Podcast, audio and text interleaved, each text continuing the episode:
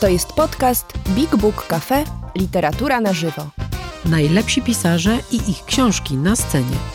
Ważne premiery, wyjątkowi goście, zaskakujące tematy. Rozmowy, spektakle i słuchowiska. Prosto z literackiego pępka świata. Posłuchaj i sprawdź, co mamy w repertuarze. Wejdź na bigbookcafe.pl lub odwiedź nas osobiście.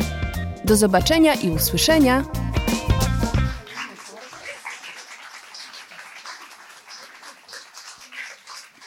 Dobry wieczór Państwu. Dobry wieczór Państwu. Y, witamy, witamy. Y, na czwa, czwarte jest to nasze spotkanie książek y, mojego życia, Magdy Mołek Życia. Tym razem usiądźmy sobie, po prostu Dobrze. usiądźmy, bo to są takie domowe spotkania. Tym z Państwu, którzy u nas jeszcze nie byli, ja powiem, że to są spotkania z ludźmi, którzy coś niezwykłego w życiu osiągnęli. Ich y, życie y, zawodowe i publiczne budzi podziw i uznanie. I zapraszamy. Aż tak? Y, tak. Sympatię może też budzić. Y, i zapraszamy y, dlatego, żeby porozmawiać sobie i pokazać sobie i przypomnieć sobie nawzajem, że czytanie jest ważne i buduje szczęśliwe i spełnione życia. I że trochę jest tak, że trudno też szczęśliwe i spełnione i pełne życie mieć bez czytania. W każdym razie próbujemy nienachalnie lansować tę tezę. Y, I y, ten cykl spotkań wziął się z takiej pewnie mojej osobistej tęsknoty za patrzeniem na wspaniałe osoby publiczne na autorytety z książkami. Mało jest takich postaci, które w życiu publicznym u nas się z książkami e, pojawiają, fotografują, jakoś je bardzo aktywnie e, e, wspierają, a, a prawda jest taka, że te książki w ich życiach są bardzo obecne i o to, jak, jak są obecne, jak ważne, co dają, czego wymagają, będziemy dzisiaj z Magdą rozmawiać. Ja mam z ogłoszeń technicznych dwie do Państwa prośby, które y, no, są proste, a pomagają nam troszkę budować relacje. Jedna rzecz, y, tak, mamy dwie, dwie takie tabliczki. Zielona. Zielona jest w sprawie newslettera. Jeśli ktoś by chciał od nas się dowiadywać, że takie fajne spotkania się odbywają, to warto się zapisać. Ja się zapiszę od razu. Super, o proszę bardzo. Adres trzeba wpisać. Tak, ale y, ja zaświadczam e, za RODO. Nie użyję tego w żadnym niecnym celu. I tu jest jeszcze taka tabliczka dla nieśmiałych. To znaczy, w ogóle będę Państwa zachęcać podczas e, naszej dzisiejszej rozmowy, żebyście się swobodnie włączali, jeśli coś w naszej rozmowie wzbudzi Wasze pytania albo chęć komentarza. Proszę się nie onieśmielać, bo to jesteśmy w kameralnym gronie i niezobowiązującej atmosferze, żebyście się też czuli swobodnie. Ale gdyby ktoś był bardzo nieśmiały, to to jest taka tabliczka, czy chcesz zadać jakieś pytanie Magdzie Mołek i wtedy można je po prostu tutaj wpisać i Natalia, która nam dzisiaj pomaga. Obie te tabliczki e, Państwu poda i będzie też z mikrofonem. Gdyby ktoś z Państwa w jakimkolwiek, jak mówię, momencie tego spotkania poczuł, że chce e, wziąć w nim udział, to proszę tylko podnieść rękę. Natalia poda mikrofon i rozmawiamy sobie. Dobrze? Poprosiłam Magdę, tak jak wszystkich y, gości tego cyklu, żeby y, przyszła z walizeczką i to, y, to Magda zrobiła. Ta walizeczka nie była taka mała. Wiemy, że to nie są wszystkie książki, o których będziemy dzisiaj rozmawiać, prawda? No nie są, nie są. Część mam na czytniku. Mm, o właśnie, no właśnie, dobrze. Nie potrzebuję walizeczki, to do torebeczki ja się, się mieści. Ja Państwu tylko krótko powiem, że nie ma absolutnie żadnego przypadku w tym, że Magda dzisiaj jest z nami, dlatego że w ogóle nasza znajomość zaczęła się od książki. To się stało w studiu Dzień Dobry TVN. Rozmawiałyśmy wtedy o książce o Indiach. Taki był powód naszego pierwszego spotkania. E, a później było tak, że zdarzyło nam się kilkakrotnie e, siedzieć przy jakiejś kawie czy przy obiedzie i tokować i podtrzymywać istnienie świata, zamartwiając się o jego istnienie i jakość życia, demokracji, wolności i tak dalej. I w tych rozmowach zawsze pojawiały się książki, więc ja jakby wiedziałam, że, że, że książki są ważnymi bohaterami w Magdy życiu. E, e, I też Magda była na różne sposoby e, zaangażowana w nasz Big Book Festival, brała na siebie bardzo brawurowe i trudne zadania rozmowy z wybitnymi polskimi pisarkami o ich matkach, jeszcze trudniejsze zadania rozmów z pisarzami polskimi o, o postaciach męskich w literaturze. O, to było zadanie.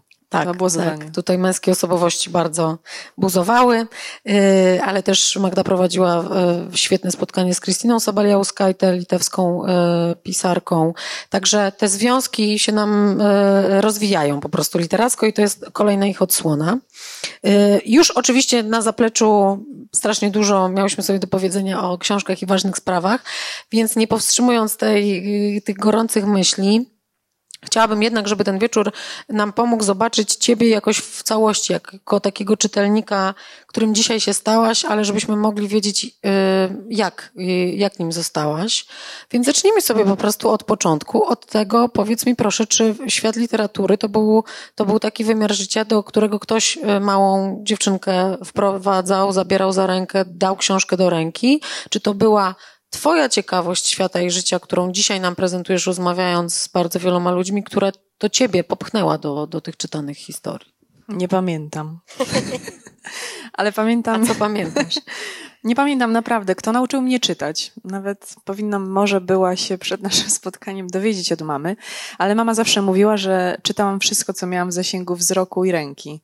Znałam na pamięć na przykład e, całe okładki płyt winylowych mojego ojca, jeśli były po polsku napisane.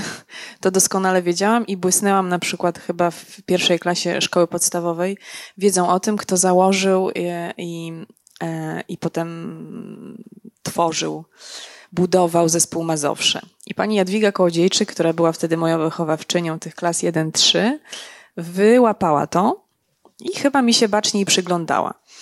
Mm, więc czytałam dużo lepiej niż wszystkie inne dzieci na początku, strasznie się nudziłam w tej klasie i ona zaczęła mi podsuwać e, grubsze sprawy. No niestety, e, moim zdaniem, na przykład przelicytowała, gdyż zdaje się w drugiej klasie dostałam do czytania, uwaga, uwaga, e, Kanadę pachnącą żywicą Arkadego Fidlera. Kto czytał? Dla dziecka w drugiej klasie tak podróżnicza, reporterska książka, to jest po prostu ciężar. I pani Jadwiga co jakiś czas wysłała mnie najpierw do biblioteki szkolnej, dopytywała, jak mi idzie. Więc ja na początku mówiłam, że no, no, no idzie, idzie. Potem zaczęłam kłamać, bo mi w ogóle nie szło, bo to było po prostu za dużo. Ale zakochałam się wtedy w ogóle w świecie książek. Bo to, że ona mnie wysłała do tej biblioteki w podstawówce, gdzie przecudowne dwie panie parzyły sobie kawę, o której marzyłam już wtedy jako ośmiolatka. Yy, sprawiły, że ja tam chciałam być i zaczęłam szperać w tych książkach. A potem mnie wpuściły i mogłam, oprócz tego, że mogłam wypożyczać co chciałam, więc czytałam na potęgę wszystko, co tam mi wpadało w ręce. A proszę pamiętać, że to były siermierzne lata 80., wszyscy jesteście tacy młodzi, w ogóle tego nie pamiętacie. Ale wtedy było naprawdę ciężko o książki i ja y, pamiętam, że w nagrodę za to, że tak się interesuję tą biblioteką, to byłam wpuszczana na zaplecze. Kawy mnie nigdy nie zrobiły, ale pozwalały mi okładać te książki na nowo i flamastrem opisywać grzbiety. No i do tego jeszcze... Moim zdaniem to bardzo prestiżowa Prawda? robota była dla dziecka. Ja dobrze pisałam, czy ładnie, może o to chodziło. Ale mogłam jeszcze wpisywać te karty takie do tych katalogów w szufladkach wyciąganych. Jezu, ja byłam w raju wtedy.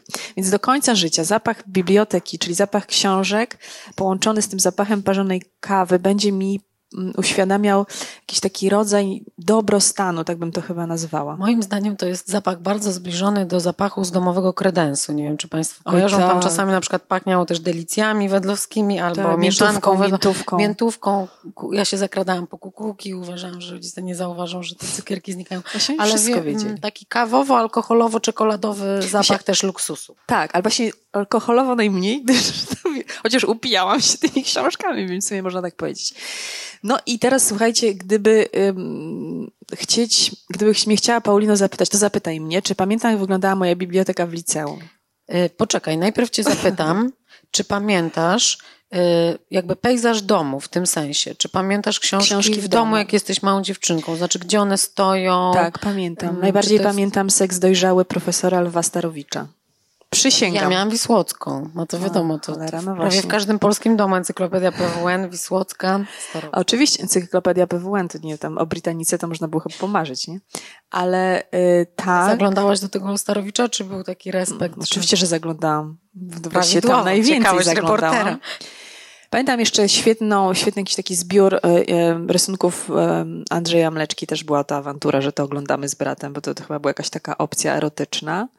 Ale pamiętam też klasykę. Mama, ja nie wiem, czy ona wystała tego pana Tadeusza, czy się do niego zapisała, ale był w jakiejś takiej pięknej bordowej oprawie ze złotymi, ze złotymi literami, więc inwokacji nauczyłam się bardzo szybko. Do dzisiaj część tych książek tam stoi i wśród nich była no właśnie on, chyba już go nie, nie ma tego wydania w domu. W każdym razie chyba w drugiej czy w trzeciej klasie. E, od mojego taty, który okazuje się, jak sobie dzisiaj przypominałam moje życie przed naszym spotkaniem, był w sumie chyba takim To był ten rodzic, który pokazał mi książki, bo przypomniało mi się parę książek, które od niego dostałam i które były dla mnie bardzo ważne. Ale pierwsza to była W pustyni i w puszczy, w takim pięknym, dużym wydaniu z przepięknymi ilustracjami. Takimi rysowanymi, rysowanymi szkicami, szkicami w takiej płóciennej oprawie obłędna. Ona była zalana, bo to była jakaś jeszcze z jego domu rodzinnego wyniesiona i lekko taka zagrzybiała, ale ja kochałam tę książkę. Niestety wzięłam ją podczas jednej z przeprowadzek do Warszawy, bo najpierw się przeniosłam ze swojej rodzinnej Legnicy do Wrocławia i tam spakowałam to, co miałam. Miałam troszkę większą walizeczkę niż ta, którą tam przyjechałam. Największa była wtedy chyba Pierzyna.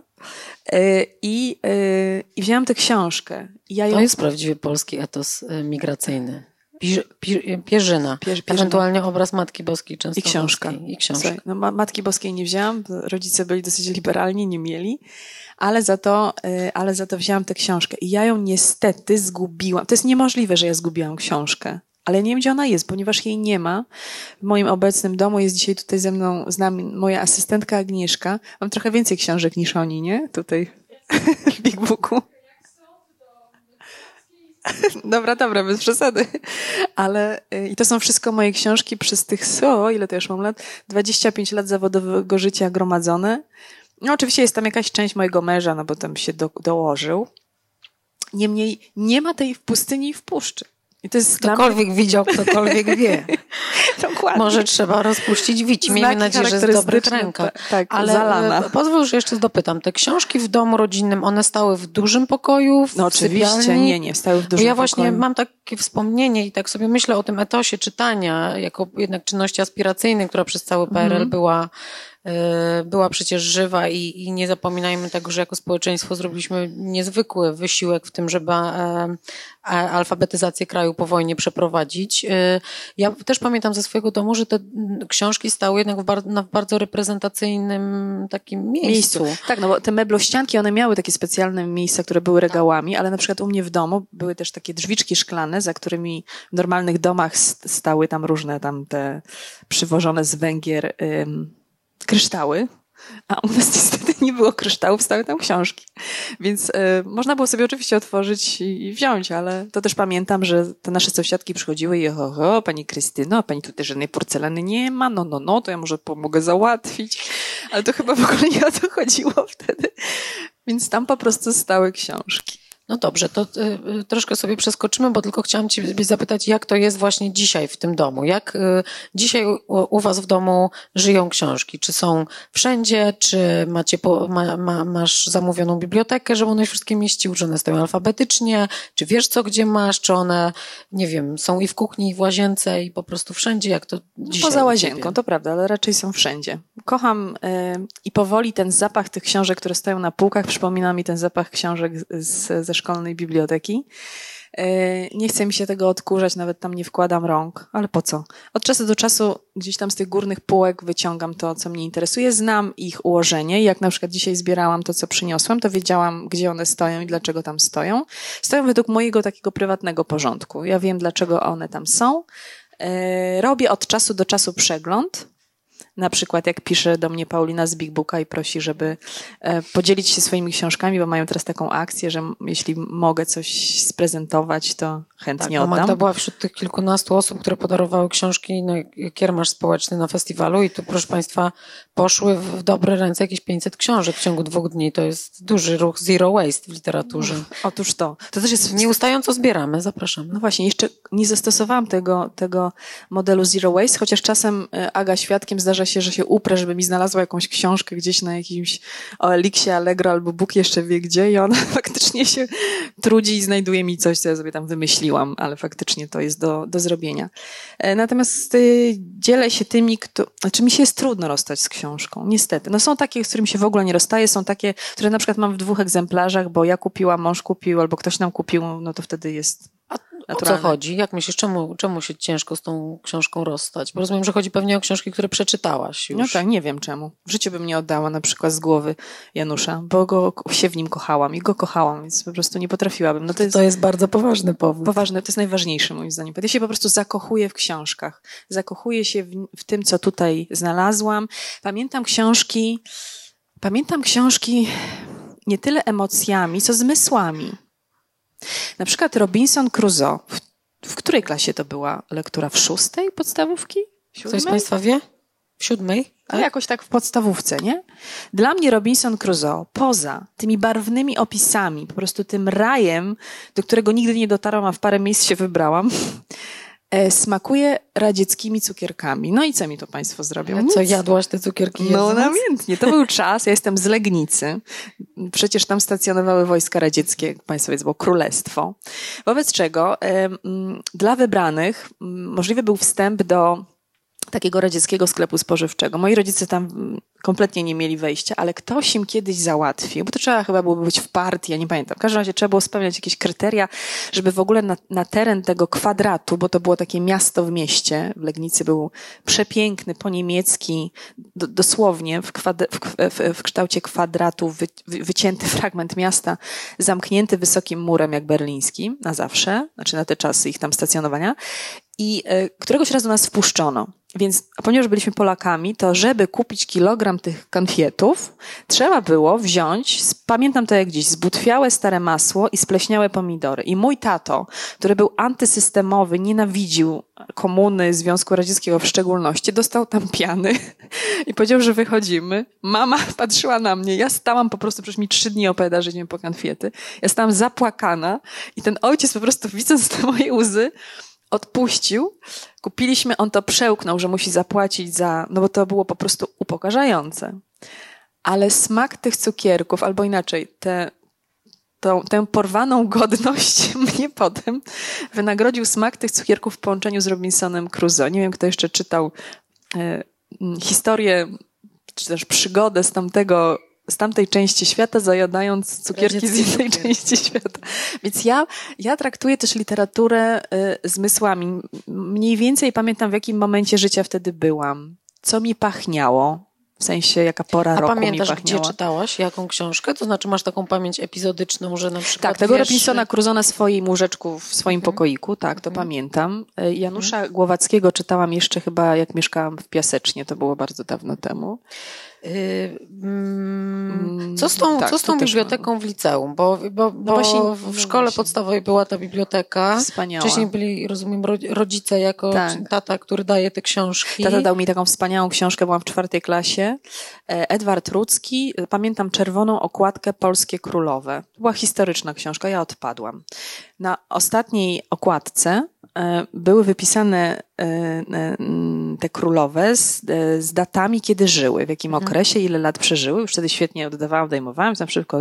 Poszłam do mojej mamy, mówię, mamo, statystycznie wynika, że one strasznie szybko umierały. Ile mamusio masz lat? Nie? No, mama mówi, nie wiem, no, 35. Ja mówię, Boże, to już powinnaś nie żyć, ponieważ one zasadniczo już w twoim wieku nie żyły.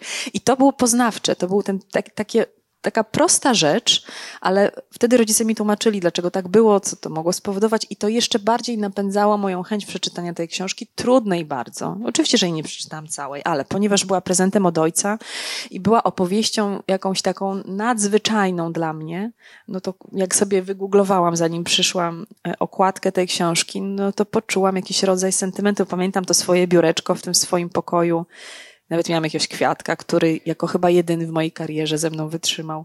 I to, to są właśnie miejsca, momenty, zapachy, mm, e, zmysły. A czy książki na tym wczesnym etapie się u Ciebie wiązały z Poczekaj, marzeniami? Ci powiedzieć o bibliotece. Tak. No i no teraz właśnie, dochodzimy i do biblioteki licealnej i słuchajcie, nie mam bladego pojęcia, gdzie ona była w moim liceum. Jeszcze gorzej niż, jeszcze trudniej znaleźć niż tam ten egzemplarz Sienkiewicza. To znaczy, nie ma jej jak, tam, moim zdaniem jej tam nie ma. Musimy do kogoś zadzwonić, zapytać. Właśnie planowałam zadzwonić do mojej przyjaciółki, a niestety mieszka w Kalifornii, to w ogóle się jakoś nie złożyło, byśmy się czasowo nie zgodziły. Ale ja wszystko pamiętam. Gdzie była pracownia fizyki, pamiętam. Gdzie się chodziło na WF, pamiętam. Gdzie była nawet jakiś czas chyba pani pielęgniarka, to ja, ja nie pamiętam, gdzie była biblioteka. Okej, okay, ale ja czytałaś w tym liceum, czy nie czytałaś? Jak szalona. I w ogóle nie wiem, skąd ja miałam te książki. Mieliśmy panią od języka polskiego, wspaniałą profesor Antoniewicz, która y, chyba wydaje mi się dzisiaj była, y, była pramatką mojego zawodu. Znaczy decyzja o tym, że ja wybiorę ten zawód, chociaż dopiero teraz mi się to składa w całość. Mianowicie, na tym języku polskim Trzeba było robić, e, czytanie lektur polegało na e, analizowaniu po prostu tych książek od A do Z. Nie wiem, że sobie tam przeleciałeś opisy w Nadniemnem, bo ona ci potrafiła na przykład dajmy na to tam opis, o, o, opis okolicy i nie ma, że sobie staniesz do odpowiedzi i opowiesz. Bo jak nawet mówisz, że to było tak i tak, to ona cytacik i trzeba było tę książeczkę fiszką zaznaczoną, powiedzieć strona 251 i przeczytać ten fragment. Nie wiem, charakterystyka Boryny. Wspaniale, Boryna był taki, taki, taki śmaki. A profesor Antoniewicz, tak? Cytacik. No i co, nie masz cytaciku? A, siadasz, lufa. Czyli to był taki, taka, taka factfulness, po prostu pierwsza lekcja tego, że na wszystko trzeba mieć kwit. To raz. Na każde stwierdzenie trzeba mieć kwit. Musisz mieć tak, musisz mieć poparcie Żadnych swojej tezy. Newsów. Tak. Nie ma, że sobie tam wymyślisz, sobie coś powiesz profesor Antoniewicz, która w ogóle na ciebie nie patrzy, jak odpowiadasz, ale słyszy, jak wiesz, naj, najwspanialej. Natomiast y, jakaś, jakiś taki rodzaj też roboty detektywistycznej i bardzo naprawdę drobiazgowej. Więc jak teraz przygotowuję się do rozmów, to potrafię, czytając wywiady na temat mojego bohatera, które już istnieją, właściwie je przejrzeć, ale wiem, czego szukam. I wiem, które z tych zdań, które się pojawiają w tym wywiadzie, są dla mnie ważne i które opisują mi postać. I myślę, że to zawdzięczam właśnie jej. No ale gdzie była ta biblioteka? No ja po prostu nie wiem. To jest bardzo e, piękne i Też symboliczne, że znik- tak, że biblioteka zniknęła jako, jako miejsce. To znaczy, że to w jakimś sensie masz ją w sobie jako te wszystkie przeczytane właśnie, książki. No właśnie, no, ale nie ma miejsca. No. To jest chyba jedyny, adres. Jedyny adres, którego nie potrafię teraz połączyć z książkami, które wtedy przecież w liceum było zawalone i to kobyłami. Te lektury to były konkrety. I tak czytałaś je naprawdę? No bo musiałam, ja to, bo ja, ja, wolałam się nie narażać profesor Antoniewicz, ponieważ na pierwszej mhm. lekcji wylądowałam natychmiast w pierwszej ławeczce i burczało mi w brzuchu do końca czwartej, ale faktycznie jak pisałam jakąkolwiek pracę, albo, y, albo zdawałam maturę, to naprawdę czułam się komfortowo, bo wiedziałam, że jestem przygotowana i że mam luz. I, y, i tak też było, więc, więc ta pani y, kołodziejczyk w podstawówce, ta od Arkadego Fidlera, Panie Boże, i profesor Antoniewicz, czyli dwie wspaniałe kobiety, które dostrzegły jakiś potencjał, pozwoliły mi go rozwinąć. No i była jeszcze profesor Maria Sycz, dyrygentka naszego szkolnego chóru, która się uparła, że umiem śpiewać. Zrobiła mi przesłuchanie przy pianinie. W związku z tym musiałam śpiewać w tym chórze naszym, e, również szkolnym w podstawówce. Jeździłyśmy po całej Polsce, prawie wszędzie wygrywałyśmy. Ja twierdzę do dzisiaj, że nauczyłam się tam dykcji, bo jeśli chodzi o śpiewanie, to nic z tego. Natomiast dzięki temu, że pani Sycz mówiła, dobra Magda, to nie musisz wyciągać tam tych nut tam wyżej. Wystarczy, że jak śpiewamy, tam były jakieś szczekociny czy grzegżółki, to ty odpowiadasz w tym głosie za to, żeby było słychać, o czym one śpiewają. A one zaśpiewają dźwięk. Ja mówię, dobra, super. Więc to jest trochę o czymś innym, ale to jest ta trzecia kobieta, która, której zawdzięczam mm, mm, pójście tą swoją zawodową drogą, myślę. Ciekawe bardzo, co mówisz, y, szczególnie z profesora Antoniewicz, bo to jednak jest y, wcale nieoczywista dzisiaj umiejętność nie mówienia na pusto, to znaczy yy, pewnej odpowiedzialności za słowo, że w ogóle jeżeli prezentujesz jakikolwiek pogląd publicznie, to musisz mieć podkładkę, znaczy musisz wiedzieć skąd się wzięła w tobie taka myśl. Ja kiedyś w, gazecie miałam takiego redaktora wspaniałego, który, który mi mówił, że yy, uproszczenia są świetne i masz do nich prawo, pod warunkiem, że wiesz wszystko. I wtedy uproszczenie jest prawdziwe. Y, no, dzisiaj żyjemy właśnie niestety w rzeczywistości, która w jakimś sensie te, te, ten rodzaj podstaw y, rzemiosła w tworzeniu w ogóle wiedzy o świecie, o tym, jak, jak rozmawiamy, jak mówimy do siebie, tak nam łatwo te, tymi słowami szafować y, trochę bez, bez pokrycia, więc wydaje mi się, że to taka złota y, i cenna podstawa, y, którą dostałaś dość, dość wcześnie. Y, jesteśmy w tym liceum i, i, i co? I ty już wiesz, kim, kim chcesz być i, mm, i czy książki jakoś ci pomagają wtedy mm, wtedy już siebie kształtować w tym myśleniu o przyszłości? One, one są jakoś wtedy już wyraźnie związane z budowaniem twoich tak. marzeń, aspiracji? I mnie wykańczają wykańcza mnie pora, ponieważ nastawiam sobie ambitnie budzik codziennie w czwartej klasie liceum. Nie, wróć, to była połowa trzeciej, bo mi przyszło do głowy w połowie trzeciej, że jednak będę zdawać na prawo na Międzynarodowym Uniwersytecie Wiadrina. E, to jest e, na granicy polsko-niemieckiej. E, I to było jakieś totalne szaleństwo, że, że ja w ogóle chcę iść w tę stronę i, i, i, i zamierzam się wybrać tam. Więc potrzebna była oczywiście historia, język niemiecki. Rodzice zdecydowali się finansować moje dodatkowe lekcje z języka, natomiast jeśli chodziło o historię, no to w ogóle byłam w lesie, bo musiałam bazować na samej sobie. Ale miałam bardzo, tu się pojawia wreszcie w moim życiu mężczyzna, bardzo sympatycznego profesora od y, historii do dzisiaj. Jak zamykam oczy, to widzę, że on siedzi tutaj pod tablicą, bo ławki były ustawione y, poprzecznie, bokiem do niego. Y, Poległam oczywiście na maturze z tej, z tej historii sromotnie, gdyż e, wtedy była historia pisemna, nie wiem, to się już tyle razy zmieniało, nie wiem na jakim jesteśmy teraz etapie, ale jak profesor otworzył kopertę z pytaniami na pisemnej, to zbladł, ponieważ wszystkie trzy dotyczyły e, mniej więcej dwudziestolecia międzywojennego, czyli tego miejsca w historii, któremu on poświęcił najmniej z nami na lekcjach. Ale ja jeszcze te pół roku, to wtedy półtora roku wcześniej, czyli w połowie trzeciej klasy, wymyśliłam sobie ten uniwersytet i w nocy budziłam się o tej trzeciej, żeby do siódmej, zanim wyjdę do szkoły, pouczyć się z podręcznika do historii. To były już lata dziewięćdziesiąte, te podręczniki, nawet wczoraj z moim mężem o tym rozmawiałam, który szczęśliwie studiował prawo w Warszawie na uniwersytecie i je pięknie skończył i jest dzisiaj wybitnym prawnikiem. E, to w ogóle nie była moja droga, nie wiem, co mi wtedy strzeliło do głowy, e, więc e, te podręczniki naprawdę były dobrze napisane i szalenie ciekawie. Te, te pierwsze z lat dziewięćdziesiątych. I to jest ten czarny okres w, w, w, moim czytelniczym życiu. Taki naprawdę czarny, gdyż było wtedy ciemno za oknem, kiedy się budziłam. Ten ruski budzik, nomen omen, mnie budził i, i próbowałam się jakoś douczyć, żeby wiedzieć więcej. E, ponieważ na początku czwartej klasy niespodziewanie zmarł mój ojciec, to wszystkie plany dotyczące tej, e, tej drogi w edukacji legły w gruzach, bo już oczywiście nie było nas stać na te, na te dodatkowe lekcje i w ogóle na ten uniwersytet nie miałam, nie miałam już żadnych szans. E, ale, no, tak jak mówię, pamiętam te, te, te mroki. Czyli czwarta klasa znowu to jest ten język polski, na który wtedy chciałam już postawić i kompletnie nie wiedziałam, co będę robić. To, że będę dziennikarzem, to był splot okoliczności wakacje po zdaniu matury. Czyli zupełnie nie, e, nie dlatego, że tak wymyśliłam, tylko dlatego, że los tak chciał, jak mówi moja babcia. Mówiła. E, I, e, i, i tyle, więc przyznam od razu, że po, po szkole średniej i po przyjęciu na studia, bo wtedy był konkurs świadec, dostałam się, uwaga, na ekonomię. Wytrzymałam tam cztery miesiące. Uciekłam. Nastąpił totalny czarny okres, bo w tamtym był ciemny, a teraz czarny w moim e, życiu czytelnika, ponieważ nie czytałam niczego. A długo to trwało? Wydaje mi się, że długo. Przynajmniej, znaczy tak niczego w tym moim rozumieniu, bo ja teraz czytam wszystko, mhm. a wtedy nie czytałam chyba niczego. Na zasadzie tak, że pewnie coś mi. Czytałam gazety, bo zaczęłam pracować jako mhm. dziennikarz, więc e, bardzo ciepło było spać pod tą wielkoformatową Rzeczpospolitą. Tak. Pamiętam taki czas w swoim życiu, ale Y, ale nie czytałam książek i nie wiem dlaczego. Po prostu mhm. zupełnie zajęłam się czymś innym. Jakby te gazety mi wystarczały. Miałam wtedy wspaniałych, dużo starszych od siebie przyjaciół. Oni mieszkali we Francji, opowiadali mi o takim życiu, o takich sprawach. Oni czytali książki namiennie, namiętnie, a ja tak w ogóle, no może tam coś tam.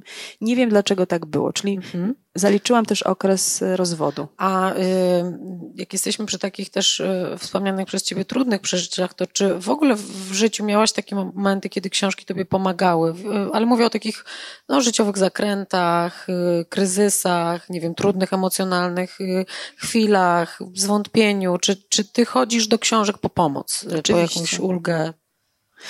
Po, po ulgę, po zrozumienie po, y, po szansę na poznanie siebie. To jeśli pytasz o kryzysy, to, y, to takie prywatne kryzysy związane z, z, z rozwojem, z poszukiwaniem siebie, swojej drogi mam i pamiętam wiele, wiele lat temu, kiedy jeszcze y, niejaki Osho w ogóle w Polsce nie był znany, moja przyjaciółka, nie wiem, to było ze 20 lat temu, podsunęła mi jego książkę.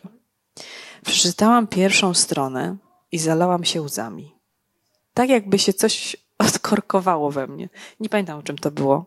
No, to, to są te książki z gatunku samorozwoju, oparte na filozofii wschodu i takim, takim zwróceniu się do siebie i tego, kim tak naprawdę możesz być, jeśli w to wszystko uwierzysz. ale y, to może się wydawać banalne, ale mi to szalenie wtedy pomogło. Bo to była ta jedna książka, która mi pomogła popatrzeć na siebie inaczej, i dzięki niej zaczęłam sięgać po coś zupełnie innego. I w tych następnych znajdowałam odpowiedź na pytanie, dlaczego jest mi źle, niewygodnie, dlaczego czuję się, no, może nie nieszczęśliwa, ale zagubiona, chociaż przecież mam wszystko przecież jestem zdrowa, młoda, świat leży u mych stóp, mogę robić wszystko, a nic nie, niczego nie robię, więc dlaczego tak się dzieje?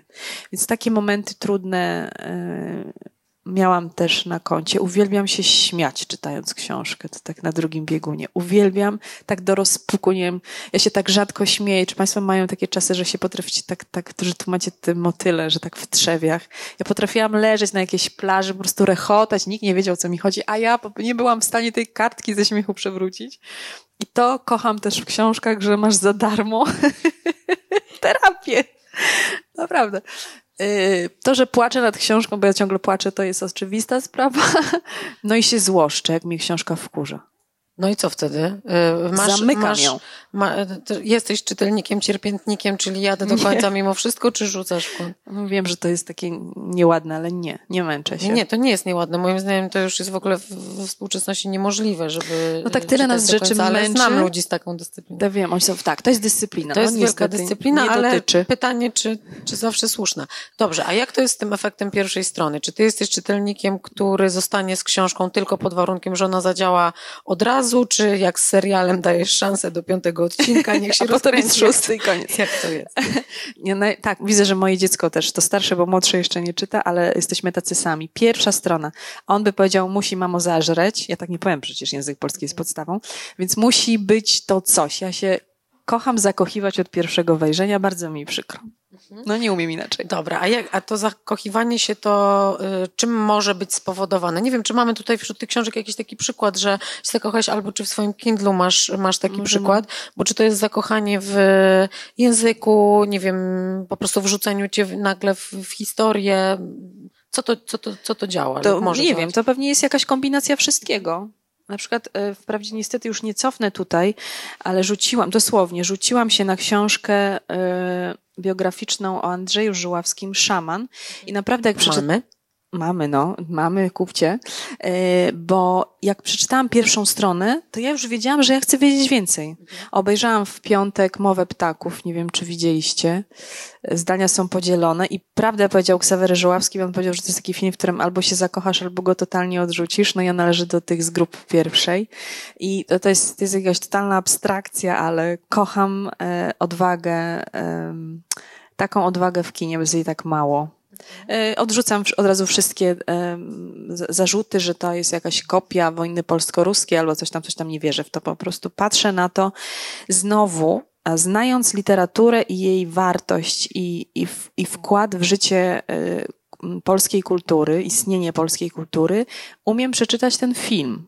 Nie oglądam go e, w taki obrazkowy sposób. Nie patrzę, nawet wiedząc o co chodzi, czytając teraz tego szamana, umiejąc poukładać sobie te wszystkie fakty, wiem więcej, bo tam jest tyle odniesień do kina i do literatury, że naprawdę trzeba wiedzieć, co autor miał na myśli, żeby rozumieć. No przecież oglądasz przyjemnie, jak rozumiesz. Jak nie rozumiesz, to cię to od razu drażni i powiesz, że to jest pretensjonalne albo banalne. Szkoda, bo to nieprawda. Więc y, Aleksandra Szarłat ma na swoim koncie autorka tej książki parę fajnych pozycji, więc mhm. polecam. A, y, a co akurat w przypadku tego, tej książki zadziałało? To znaczy, co, co tam cię na razie, jak czytasz? Y, no to, że on to? jest, y, był, że był człowiekiem z tak bogatą wyobraźnią, że jego rodzina fakty E, pamiętała w sposób X, a on zawsze w Y. No i teraz komu wierzyć? No fakty przemawiają za rodziną, bo jednak było mhm. tak, jak oni mówili, ale pan Andrzej Żyławski e, Żył w innym świecie. już filmowo, jako kilkulatek, analizował tę sytuację, już układał te kadry, moim zdaniem, jako dziecko. To jest też historia e, wojennego dzieciństwa, moim zdaniem, wiesz, Lwowa, bardzo trudnego. To się to, to nie pozostaje bez wpływu. Książka jest napisana w taki mm, suchy, no może nie reporterski, ale no nie na zbyt emocjonalny sposób, co pozwala tę barwność tej postaci zrozumieć. Ja teraz jak byłam na, na Nowych Horyzontach we Wrocławiu, obejrzałam sobie, tam była retrospektywa jego filmów, obejrzałam, e, zdążyłam obejrzeć niestety tylko jeden, najważniejszy to Kochać z Romy Schneider. To jest film z 75 roku, czyli starszy ode mnie o cały rok, a jest tak nowoczesny, jest tak porywający, w ogóle się nie zestarzał, w ogóle się nie zestarzał. Jest nadal aktualny w swoim przesłaniu.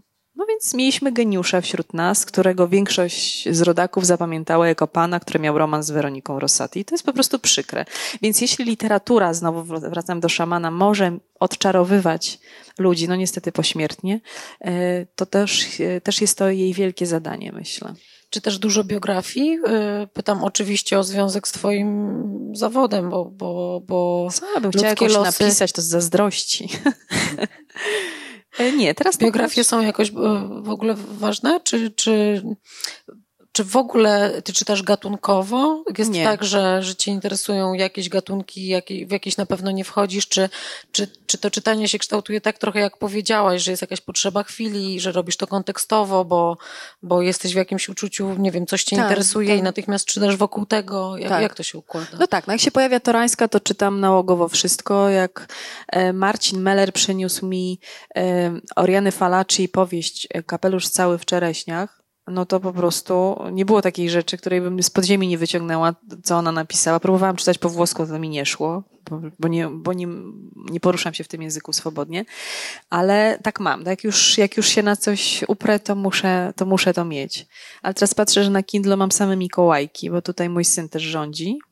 Yy, wąsik, niechciany kotek, czy to jest literatura erotyczna? Nie, chyba nie. E, e, więc odpowiadając na Twoje pytanie, jak czytam, to to są bardzo różne rzeczy. Mam też Sodomę. No trudno mi było przebrnąć przez tę książkę, naprawdę, ale to z takiej dyscypliny właśnie zawodowej chciałam wiedzieć, jak się zdobywa, mm, zdobywa się e, wiedzę na ten temat. A dzisiaj jest ktoś taki w Twoim życiu, kto Ci książki podsuwa, rekomenduje? Czy to są samodzielne wybory? A to jest różnie. Faktycznie, dokąd prowadziłam z Marcinem Mellerem y, y, Dzień Dobry TVN, to dużo o nowościach słyszałam od niego, ale mamy zupełnie inny gust czytelniczy, więc to nam się raczej drogi rozjeżdżały niż zjeżdżały. Ale y, widzę, obserwuję i uwielbiam chodzić do księgarni. Mhm. Do was mam za daleko, ale może się przełamy. Otworzymy filię. Bliżej, poproszę. Tak. Nie, no to taki żart. Ale y, uwielbiam wejść. A masz księgarnię ulubioną w Warszawie? No, no, no, jeśli chodzi o komputerach, a dlaczego na tym Kindlu jest tyle tych rzeczy? Są dwa praktyczne względy. Zaraz mi się rozładuje bateria, już się niczego nie dowiemy, ale dwa praktyczne względy są takie, że jak mi się zachce jakiejś książki, a przecież jest 22, no to pozostaje e, e-book w Empiku, po czym i tak zawsze kupuję w wersji papierowej, jeśli to jest ta książka, którą kocham, a potem mm, tak się plączę pomiędzy tym, co już przeczytałam na Kindlu, bo druga jego zaleta jest taka, że można ją czytać nocą y, przy śpiącym dziecku, to znaczy nie śpiącym, więc każdy szelest, a już nie daj Boże włączenie lampki by go obudziło, więc to tylko taki e, e, zniżony na minimum ekran, żeby nie widział. Pozwala mi to czytać. No i e, a druga rzecz jest taka, że jednak w tej wersji papierowej lubię mieć i no bo, no bo mam znowu no, zmysł dotyku. Mhm. A ty próbujesz się przerzucać między czytaniem w Kindlu i czytaniem Próbuję, w papierze? to nie wychodzi, jak wiesz. Tak, bo właśnie rozmawialiśmy o tym, że numeracja się nie zgadza stron, prawda? Nie bo tekst jest zupełnie inaczej złamany. Jakoś tego jeszcze... A jeszcze sobie powiększam e, czcionkę do granic. Technologia nie, nie, nie opanowała. Wczoraj przeczytałam, że Amazon wprowadza Kindle dla dzieci. E, jako nowy w ogóle produkt będzie urządzenie specjalnie dostosowane do, do, no, do, dziecki, do dziecięcych potrzeb. Pewnie troszeczkę będzie, może jeszcze prostszy w obsłudze i będzie posiadał tysiąc tytułów na start. Także Aha. spora biblioteka. Zobacz, jak to inaczej niż jak my w siermiężnych latach 80. ceniłyśmy zaczytywane y, egzemplarze rozpadających się Ani Co mój syn będzie wiedział o zapachu biblioteki? Nic. Natomiast trzy czwarte tutaj jest jego. No może będzie wiedział, skoro w domu tak dużo A, no chyba, że jak te nasze książek. książki się zakurzą hmm. już do reszty, to, to tak. Mam tu też to, dużo książek kulinarnych, wyobraź sobie. Ja czytam po nocy przepisy. A w Jak jestem zmęczona i głodna. Aha. I co, I co się z tobą dzieje, kiedy czytasz te przepisy? To jest tak zamiast poezji? Czy... Zamiast miseczki jedzenia, wiesz. Przeczytaj sobie, co możesz zjeść, a od razu ci przejdzie. Trochę tak, nie, to jest, mnie to na przykład relaksuje. Pamiętam, jak Agata Buzek w jednym z wywiadów, którego mi udzielała, powiedziała mi, że żeby się zrelaksować, ogląda sobie tam na jakiejś takiej pośredniej stacji telewizyjnej, nie wiem, tam AXN, czy coś, jakieś takie stare tam kryminały, co to już tak trącą myszką. I ona mówi, wiesz co, ale to wytniemy, bo to jest takie głupie. Ja mówię, ale dlaczego? Przecież to jest takie wspaniałe, to nas tak uczłowiecza. Są właśnie takie momenty w naszym życiu, jak ja mówię, że czytam sobie nocą przepisy, mówię, tak, jutro to zrobię, po czym wstaję rano, kawa, ciacho, bo tylko to mam siłę wyciągnąć z szafki. Ale mnie to relaksuje. Jak jestem na przykład kompletnie zmęczona i nie przyswoję e, literatury tak, w rozumieniu naszym, to, to dwie. Zatrzymaj Hashimoto, na przykład mam taką, albo zdrowa tarczycą, problem z tarczycą. No i tak sobie właśnie czytam i na drugi dzień mam wrażenie, że już jestem zdrowsza od przeczytania tych przepisów. Ja mam też taką teorię, że czytanie y, na przykład przepisów kulinarnych, ale też oglądanie tych starych seriali, to jest bycie w takim świecie, w którym nie może wydarzyć się nic złego. I że dlatego to jest też relaksujące. Bo wiesz, tu się w zasadzie no, nie może wydarzyć coś nieprzewidzianego, ta akcja nie pójdzie w złą stronę. Tak. A Nikt nikogo nie zabije naprawdę. W tej poezji, ta poezja jest taka, ona tak to serce ci może złamać, nie? I tak zaśniesz po prostu z no łzą wokół. No właśnie. A po marchewce? Bez wyzwań. To znaczy życie jest pełne wyzwań i na koniec y, możemy sobie po prostu na, na wieczorem już tak się utulić po A ciebie chciałam zapytać, czy ty miewasz, czy może państwo też tak miewają, że czytają coś tak trudnego, że aż was macie wrażenie boli głowa? Że, że ten mózg musi się tak skupić na tych zdaniach wielokrotnie złożonych? Tak. Ja nie lubię takich książek. No właśnie. A może należy się Niewątpliwie. To znaczy, ja, ja w ogóle myślę, że yy, yy, coś takiego się chyba dzieje z czytelnictwem, ale też z autorami. Rozmawiałam o tym jakiś czas temu z wybitnymi redaktorami, którzy prowadzą książki. Tu są wolne krzesła, bardzo Panie zapraszamy. I tam z tyłu dla nieśmiałych też na pewno są. Że w pewnym sensie polscy pisarze rezygnują z, z takiego dosyć wysokiego zadania artystycznego, czyli stworzenia swojego języka. Zatem właściwie w ogóle całego swojego świata, kiedy piszą, kiedy piszą e, książkę. I myślę, że część z nas jako czytelnicy też rezygnujemy z wysiłku wejścia do takiego świata, bo jednak e, język, który jest jakoś własny i osobny, a w sumie, kiedy pomyślimy o najwybitniejszych autorach literackich, czy uznawanych za najwybitniejszych, to zazwyczaj są ludzie, którzy stworzyli własną kodyfikację, jakby w ogóle yy, budowania świata i budowania tej wrażliwości, że znajdują dla niej słowo, które jest bardzo unikalne. Ja ym, mam poczucie, że coraz gorzej znoszę ten próg y, trudności. To, to tak. E, nie, y, ponieważ ja wykonuję pokrewny zawód do twojego, więc też bardzo dużo czytam do pracy. Jak wiesz, to jest zupełnie inne czytanie niż czytanie dla siebie. Ym, to jest jak te moje podręczniki o trzeciej nad ranem trochę? Dokładnie. To znaczy, y, tu się może jakoś tak y, podzielę, y, czy podzielimy uczuciem, którego Państwo być może nie znają. Nie wiem, czy to też, Magda, tak masz, że jednak czytanie do pracy jest zupełnie inne. Ja przez wiele lat recenzowałam na przykład książki, albo w tej chwili czytam je w, jako część researchu do tworzenia tak. jakichś materiałów. Mm, I to mam wrażenie, że kompletnie zmienia postawę wobec tekstu, prawda. jest znacznie bardziej zadaniowe i ja wtedy jestem dużo bardziej skłonna do przyjęcia pewnej dyscypliny, bez względu na trudność tego tekstu i tego, jak bardzo boli mnie głowa, ja po prostu z nim zostanę do końca. I psioczę, a z drugiej strony jestem swojemu zawodowi za to wdzięczna, tak, że muszę tak. zostać z tym autorem do końca, bo to bardzo często z tego wynikają nagrody różne. A propos nagród i a propos tego języka e, charakterystycznego, yy, zaczęłam czytać, można powiedzieć ponownie, bo sięgnęłam po tę książkę, jak się ukazała, ale wtedy mi nie wyszło i też uważam, po latach, że to jest tak z tym naszym czytaniem, że musimy być gotowi na przyjęcie tej opowieści, tego człowieka, mhm. tego autora. Możemy do niej wrócić, potem okaże się, jak ja mogłam w ogóle nie pójść tak. dalej, nie? E, I mówię o Wiesławie Myśliwskim, który dwa tygodnie temu prowadziłam taką imprezę doroczną na Zamku Królewskim. Samorząd mazowiecki wręcza od 18 lat nagrodę imienia Norwida w kilku, w kilku wspaniałych kategoriach i była literatura i naprawdę ci ludzie, którzy dostają tę statuetkę, to są wspaniali twórcy tacy, którzy na te statuetki autentycznie zasługują. I nawet byłam zdziwiona, że pan Wiesław Myśliwski dostaje ją pierwszy raz od 18 lat e, e, za ucho igielne, ale ja dorwałam widnokrąg. I tenże widnokrąg, który wtedy odłożyłam, bo ta opowieść w tym domu tam się snuła i w ogóle nie wiedziałam o co tam chodzi, nagle zobaczyłam tam swoją rodzinę, swój dom, swoją babcię, tego koguta, którego ona na ten obiad gotowała. Zupełnie inne emocje zaczęły temu towarzyszyć. A jak posłuchałam pana Wiesława, który odebrał nagrodę osobiście, e, jaką prostotę języka on nam zaprezentował w tym podziękowaniu. Ja nawet tego nie potrafię powtórzyć, bo to było mistrzowskie. Natomiast wygłaszający laudację profesor przewodniczący tej kapituły powiedział właśnie um, o nim, kapituły, która wręczała tę nagrodę o, o laureacie, że jego książki są tak inne od tych, które zalały polski rynek wydawniczy. On wręcz mówił o książkach wulgarnych, niepotrzebnych i złych.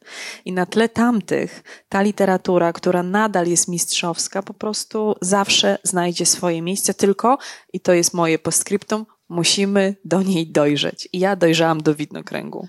To jest bardzo ciekawe, co mówisz o tym, że, że to jest duże szczęście spotkać książkę i pisarza w odpowiednim swoim momencie życia. Ja Widnokrąg czytałam jako nastolatka, ponieważ moja mama e, w, w latach dziewięćdziesiątych oszalała na punkcie wysyłkowego klubu ksio- e, Świata Książki. Więc ja mogłam sobie raz w miesiącu, czy to było raz na kwartał, czy raz w miesiącu przychodziła ta gazetka i ja miałam prawo do wyboru jednej książki z tej gazetki. Boże, jakie to było wspaniałe.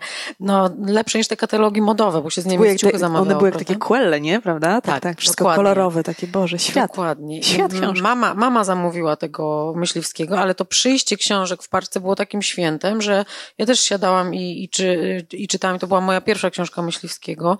Później pamiętam, że drugą taką ważną dla mnie był Nagizat, ale pamiętam, że to, to były książki, które uważałam, do dzisiaj uważam, rozrywają serce, że to jest literatura niesłychanie bolesna e, i naprawdę e, jest to dla mnie jeden z takich przykładów, że trzeba mieć odwagę ją przeczytać. Już nie mówiąc o tym, jak się pisze, ale że trzeba mieć odwagę przeczytać książki, które tak głęboko wchodzą tak, e, tak.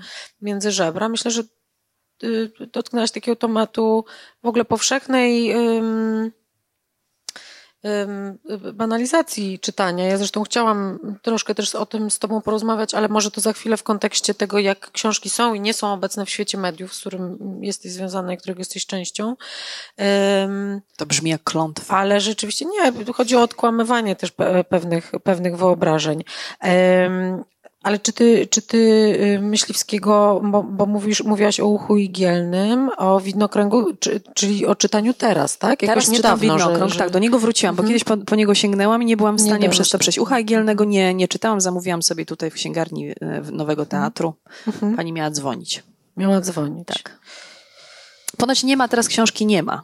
Już dostała Nikę. U nas stoi książka nie ma i myślę, że ucho igielne też się znajdzie. Mm. Jak będzie... Proszę bardzo. Proszę bardzo. Magdo, możesz y, przyjąć ją sobie po Dobrze, prostu dziękuję. od nas Przejmę prezencie, żebyś, żebyś dziękuję. przeczytała. Okej, okay. jesteśmy na linii czasu i, i, mm, I wracamy różnych ważnych spotkań. Kiedy spotkałaś Teresę Torańską jako autorkę? Czy w ogóle spotkałaś Teresę Torańską w życiu? Nie spotkałam Teresy Torańskiej. Teraz mnie poczekaj. Czy myśmy się spotkały w studiu dzień do? Poznałam jej męża. Poznałam bardzo wielu reporterów, którzy z nią pracowali i mam wrażenie, że oczywiście, że ją znam. I na mhm. pewno wypiłam z nią trzy kawy, ale to może ale być jak, jak u Żuławskiego. Pamięć, w twojej pamięci różne rzeczy znikają, Myślę, mogą się moja... pojawić. Nie, bo pewnie by mi się rzuciła na szyję, no, mhm. więc nie, nie, nie spotkałam Teresy Torańskiej. To jest no, przerażające, kiedy, a kiedy ale spotkałaś nie spotkałam... ją jako y, autorkę, autorkę wywiadów? Y, no wiesz, Teresa... Bo przyniosłaś aż dwie jej książki. No, no bo w domu dwie. mam trochę więcej, ale y, ta książka Arkadiusza Grzeli, Podwójne życie reporterki. To jest książka, której nie napisałam, proszę Państwa. Czyli Arkadiusz y, pochylił się nad osobą, Remigiusz, co ja gadam, Arkadiusz.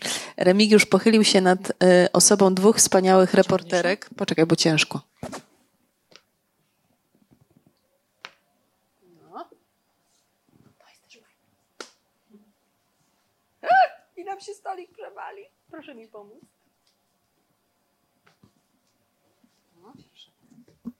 Kilogramy wiedzy. E, Remek zrobił coś, ja się śmiałam, nawet mi wpisał dedykację. Bardzo długą, e, na pół strony. No, pisarz. Wow. Magdzie Małek z serdecznymi podziękowaniami za dobre słowa i za rozmowę w dzień dobry. I dalej nie umiem rozszyfrować. Zupełnie jak, jak lekarz. lekarz. Więc y, napisał książkę, której nie napisałam ja. Oczywiście bym jej nigdy w życiu nie napisała, chociaż próbowałam się kiedyś uczyć pisać. Poszłam do Polskiej Szkoły Reportażu e, laureata Nikę, Mariusza Szczygła. E, przez rok spotkałam tam wspaniałych ludzi i w ogóle patrzyłam na nich, myślałam sobie, Boże, co oni są wszyscy zdolni, w ogóle po co ja tu przyszłam? No i taka prawda, oni wszyscy piszą, a ja nie ale może przyjdzie kiedyś mój czas. Aczkolwiek e, słowa profesora e, z laudacji utkwiły mi mocno w głowie, więc e, trzeba mieć przekonanie, że się robi rzeczy po coś. Więc Remigiusz napisał książkę, która jest jakby porównaniem losu dwóch kobiet. I dla mnie jest takim, jest, tak, jest takim świadectwem czasów, czyli co mogłaby Teresa Torańska, gdyby żyła w takim kraju jak Oriana Falaci. Czyli jak e, rzeczywistość, która dotyka człowieka z takim talentem, e, determinuje ten los. No o tym jest ta książka. Jak, jak bardzo inaczej możesz żyć wtedy, kiedy jesteś wolna na, na wszystkich polach. A potem to, było, to była moja pierwsza myśl. A potem była taka myśl, hej, zaraz, ale przecież Teresa pokazywała ludzi i rzeczywistość z, z z tak ciekawego, chociaż strasznego okresu w polskiej rzeczywistości, historii, polityce, że e, gdyby nie miała tego okresu, to kim by była, nie? Bo to jest zawsze pytanie, co by było gdyby, więc, e, więc to jest oczywiście reporterska książka, ja sobie tutaj w ogóle zaznaczałam.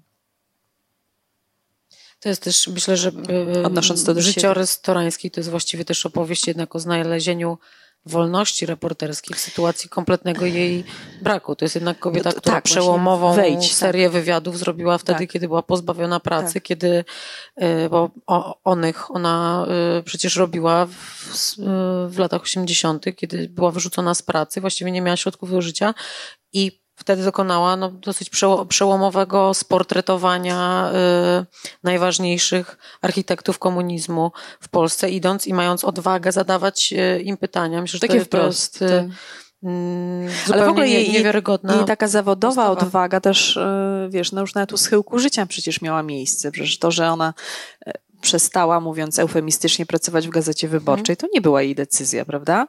E, I właśnie na kartach tej książki gdzieś znalazłam ten fragment, kiedy Remigiusz zupełnie szczerze opisuje sytuację, w której po książce Kapuściński Nonfiction, to e, e, Teresa zadzwoniła do wdowy po, mhm. po Kapuścińskim i powiedziała, że uważa, że autor ma rację, pisząc to, co pisze, mhm. ponieważ jest reporterem, o, opiera się na faktach e, i że ona jako jego no, mistrzyni i jako osoba, która wierzy w prawdę, będzie tej postawy i tej książki w tej formie bronić i że, y, a cena za to była taka oczywiście, że natychmiast została wyrzucona z kapituły nagrody hmm. imienia Kapuścińskiego. Więc ta książka też otworzyła mi oczy na zależności, że ta wolność zawsze okupiona, wolność do jednego jest okupiona stratą czegoś innego, nie? Mhm. że nie, nie mamy nigdy totalnej wolności. A z kolei po drugiej stronie włoska, wspaniała nieustraszona, momentami szalona, ale jakże samotna kobieta, więc.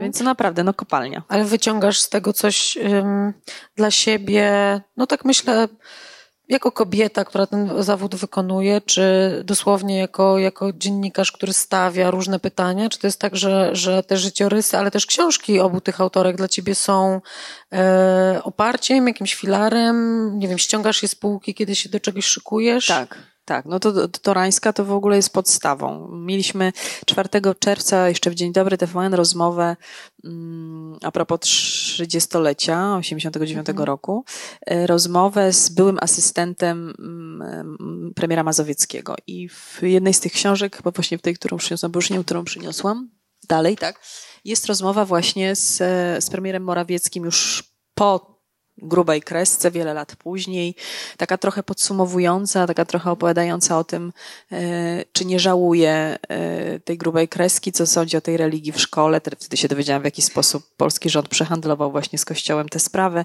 Więc to jest, e, to jest też kopalnia, kopalnia wiedzy, oczywiście tej całej strony merytorycznej, ale to, co jest u Teresy zawsze i tego nie da rady nie wyłapać, ta prywatna strona tego człowieka. Nawet jak jest to pytanie dotyczące dotyczące sfery zawodowej, to miałam wrażenie, że ona czeka na tę odpowiedź która pokaże nam człowieka, nie premiera, nie polityka, nie kogoś tam. E, I, i jest tam właśnie w, tym, w tej rozmowie z nim taka poruszająca, poruszający moment, w którym on wspomina, e, że został bardzo szybko wdowcem, został sam z e, trzema synami, ten najmłodszy był raptem nastolatkiem. I e, premier twierdził, że to właściwie tylko wiara w Boga go trzymała w pionie, nie? Żona zmarła na raka. E, I to też jakoś zupełnie inaczej postawiło mi tego kostycznego, zimnego, suchego, mhm. miałam wrażenie, tak jak wszyscy mówili, powolnego człowieka. No, dajmy spokój właśnie takim e, etykietom. Ja teraz, kiedy to mówisz, to sobie przypomniałam, że ja z kolei bardzo zapamiętałam rozmowę Teresy Torańskiej z żoną Leszka Balcerowicza. Mhm. E, bodaj w tomie są. To jest opowieść o tym, jak e, tam się właściwie ona pojawia epizodycznie, jak ten pomnikowy jednak Balcerowicz jest, e, ona go zabiera na raptem kilka dni, na Mazury chyba, ponieważ on przechodzi bardzo ciężkie załamanie psychiczne. Nie mówi się w Polsce o tym, szanując jakby jego rolę publiczną też, że on cierpiał, bo cierpi na, na, na zaburzenie natury psychiatrycznej. Yy, I to, to jest taki mm, właśnie dokładnie to, o czym mówisz, taki błysk, w którym nagle, nagle się widzi tego człowieka, którego tak łatwo też było i wciąż jest atakować za tą jakby jego rolę publiczną, ale, ale ona jakby robi taki uchyłek w, w tym wizerunku i pokazuje, że tam że on był jakby o krok od, znaczy właściwie, czy o krok od dramatu, no, że to była bar, bardzo y, dramatyczna pozycja przyjęta przez jakąś prywatną, prawda, osobę, która się zdecydowała na, no de facto dźwiganie państwa i nigdy się pewnie nie dowiemy, bo profesor też nie ma takiej osobowości, żeby akurat o tym opowiadać, ale ta żona była tak jakby tą szczeliną, przez którą można było y, popatrzeć na niego jak na człowieka, który wziął na barki na przykład losy moich rodziców, którzy stracili wszystkie oszczędności. Przecież on o tym wiedział. I Mm, Oczywiście. To jest właśnie jakaś taka, myślę sobie, niezwykła też jej umiejętność, że ona potrafiła zadać pytanie z boku. Żona Gierka jej podsuwała, podsuwała kanapki podczas tak. widać wizyt w ich domu i traktowała ją jako dziewczynkę. I ona nagle wtedy biła w bardzo um, takie bolesne ona miejsce. dokładnie wiedziała, w którym momencie zadać to pytanie. Jest taka rozmowa z profesorą, z profesorą Łętowską, dosyć krótko po śmierci jej męża. I ona jest w totalnej żałobie, jest w rozsypce.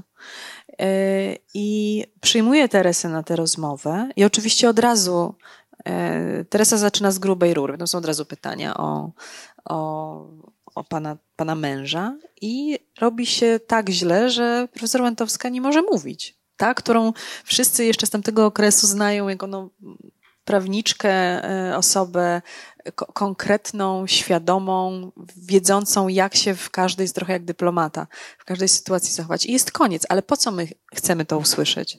Żeby zobaczyć, ona nam, ona nam jako autorka wywiadu, Teresa Torańska, przecież to nie jest wywiad do Wiwy.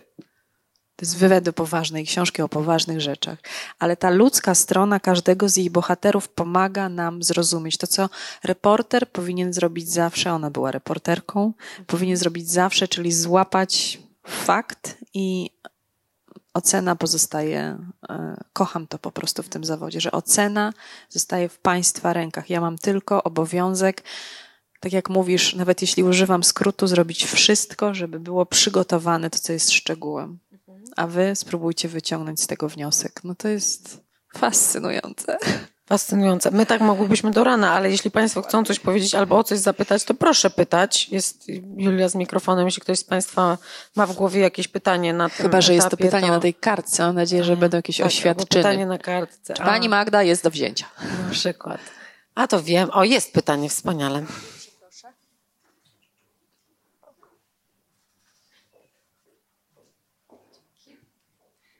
W sumie chciałam napisać pytanie na kartce, ale stwierdziłam, że będzie za długie, także zapytam, zapytam w ten sposób. Jest taki reżyser, Tom Ford, i nakręcił jeden film pod tytułem Samotny mężczyzna. I tam jest taka scena, którą ja uwielbiam wręcz. Dwaj mężczyźni siedzą na kanapie naprzeciwko siebie, w tle gra cicha muzyka, a obydwaj czytają. Jest bardzo przyciemnione światło, jest, mężczyźni są w związku szczęśliwym. Natomiast dla mnie jest to scena, która nie tylko pokazuje, w jaki sposób możemy czytać, ale że w jakiś sposób te książki jeszcze dopełniają to, co w tym związku może być. Uważam, że to jest przepiękna scena.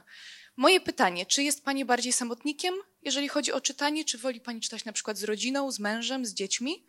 I drugie, czy wierzy Pani, że czytanie książek może dać też coś poza samym czytaniem, jakieś dopełnienie, może coś między ludźmi, co mogłoby się pojawić dzięki czytaniu. Dziękuję za cudowne pytania. Zacznę od drugiego, bo jestem pewna, że książki dają więcej. To jest naj, um, najszybciej dostępna alternatywna rzeczywistość. Że za tych kilkadziesiąt złotych, a jak wypożyczysz to właściwie za twój czas poświęcony na pójście do biblioteki, przeniesiesz się w ten świat, w który chcesz się przenieść. I tylko wystarczą ci zdrowe oczy i po prostu chwila, że, że, że nikt nie krzyczy na przykład mamo, mamo. To najgorsze w książkach. Niestety, takie czasy nastały. A to pierwsze, tak, ponieważ właśnie a propos tego mamo, mamo, e, to robimy z mężem co możemy, żeby wydzierać czas na książki. najbardziej w tym wszystkim denerwuje mnie to, że ja przynoszę te książki i mówię, zobacz, co ja mam. Nie mam, ten, mam tego, tego szamana. Albo tutaj tako, takie wspaniałe tłumaczenie ja nie wiedziałam, że jest to tłumaczenie Mistrza i Małgorzaty. Kocham, kocham tę książkę. Czytałam jeszcze te y, pana Drawicza. Y, I to jest nowy przekład. Muszę zacytować tych wspaniałych. Y, wcześniej jest? Czekaj. Leokadia Anna Przebinda, Grzegorz Przebinda, Igor Przebinda. Kto Cała wie, rodzina. Czy to jest matka z synami, czy to jak... Jakkolwiek, naprawdę nawet porównywałam sobie Drawicza z nimi i ta książka jest jednak trochę inna. Naprawdę, e, ale, e, ale e, czyta się ją obłędnie, więc mówię o niej dlatego, że jak zdobyłam to tłumaczenie, to pokazałam Maćkowi i mówię, zobacz, co zdobyłam. No i pojechaliśmy na wakacje, ja to wzięłam i mi po prostu cały czas to zabierał. Więc ja nie mogłam czytać tej książki, bo to był już enty raz, kiedy on, jak ja coś przynoszę, zabiera i co gorsza, on to doczytuje, a ja cio- to po prostu potrafi świetnie to przeczytać szybko, a ja chodzę i nigdy nie mam tyle czasu, co on. On jest naukowcem. Potworne. To jest potworne. Ale, ale wiesz, ale taka powiedziałabym mobilizująca rywalizacja. No coś w tym jest. Ale zdarzają nam się właśnie takie chwile.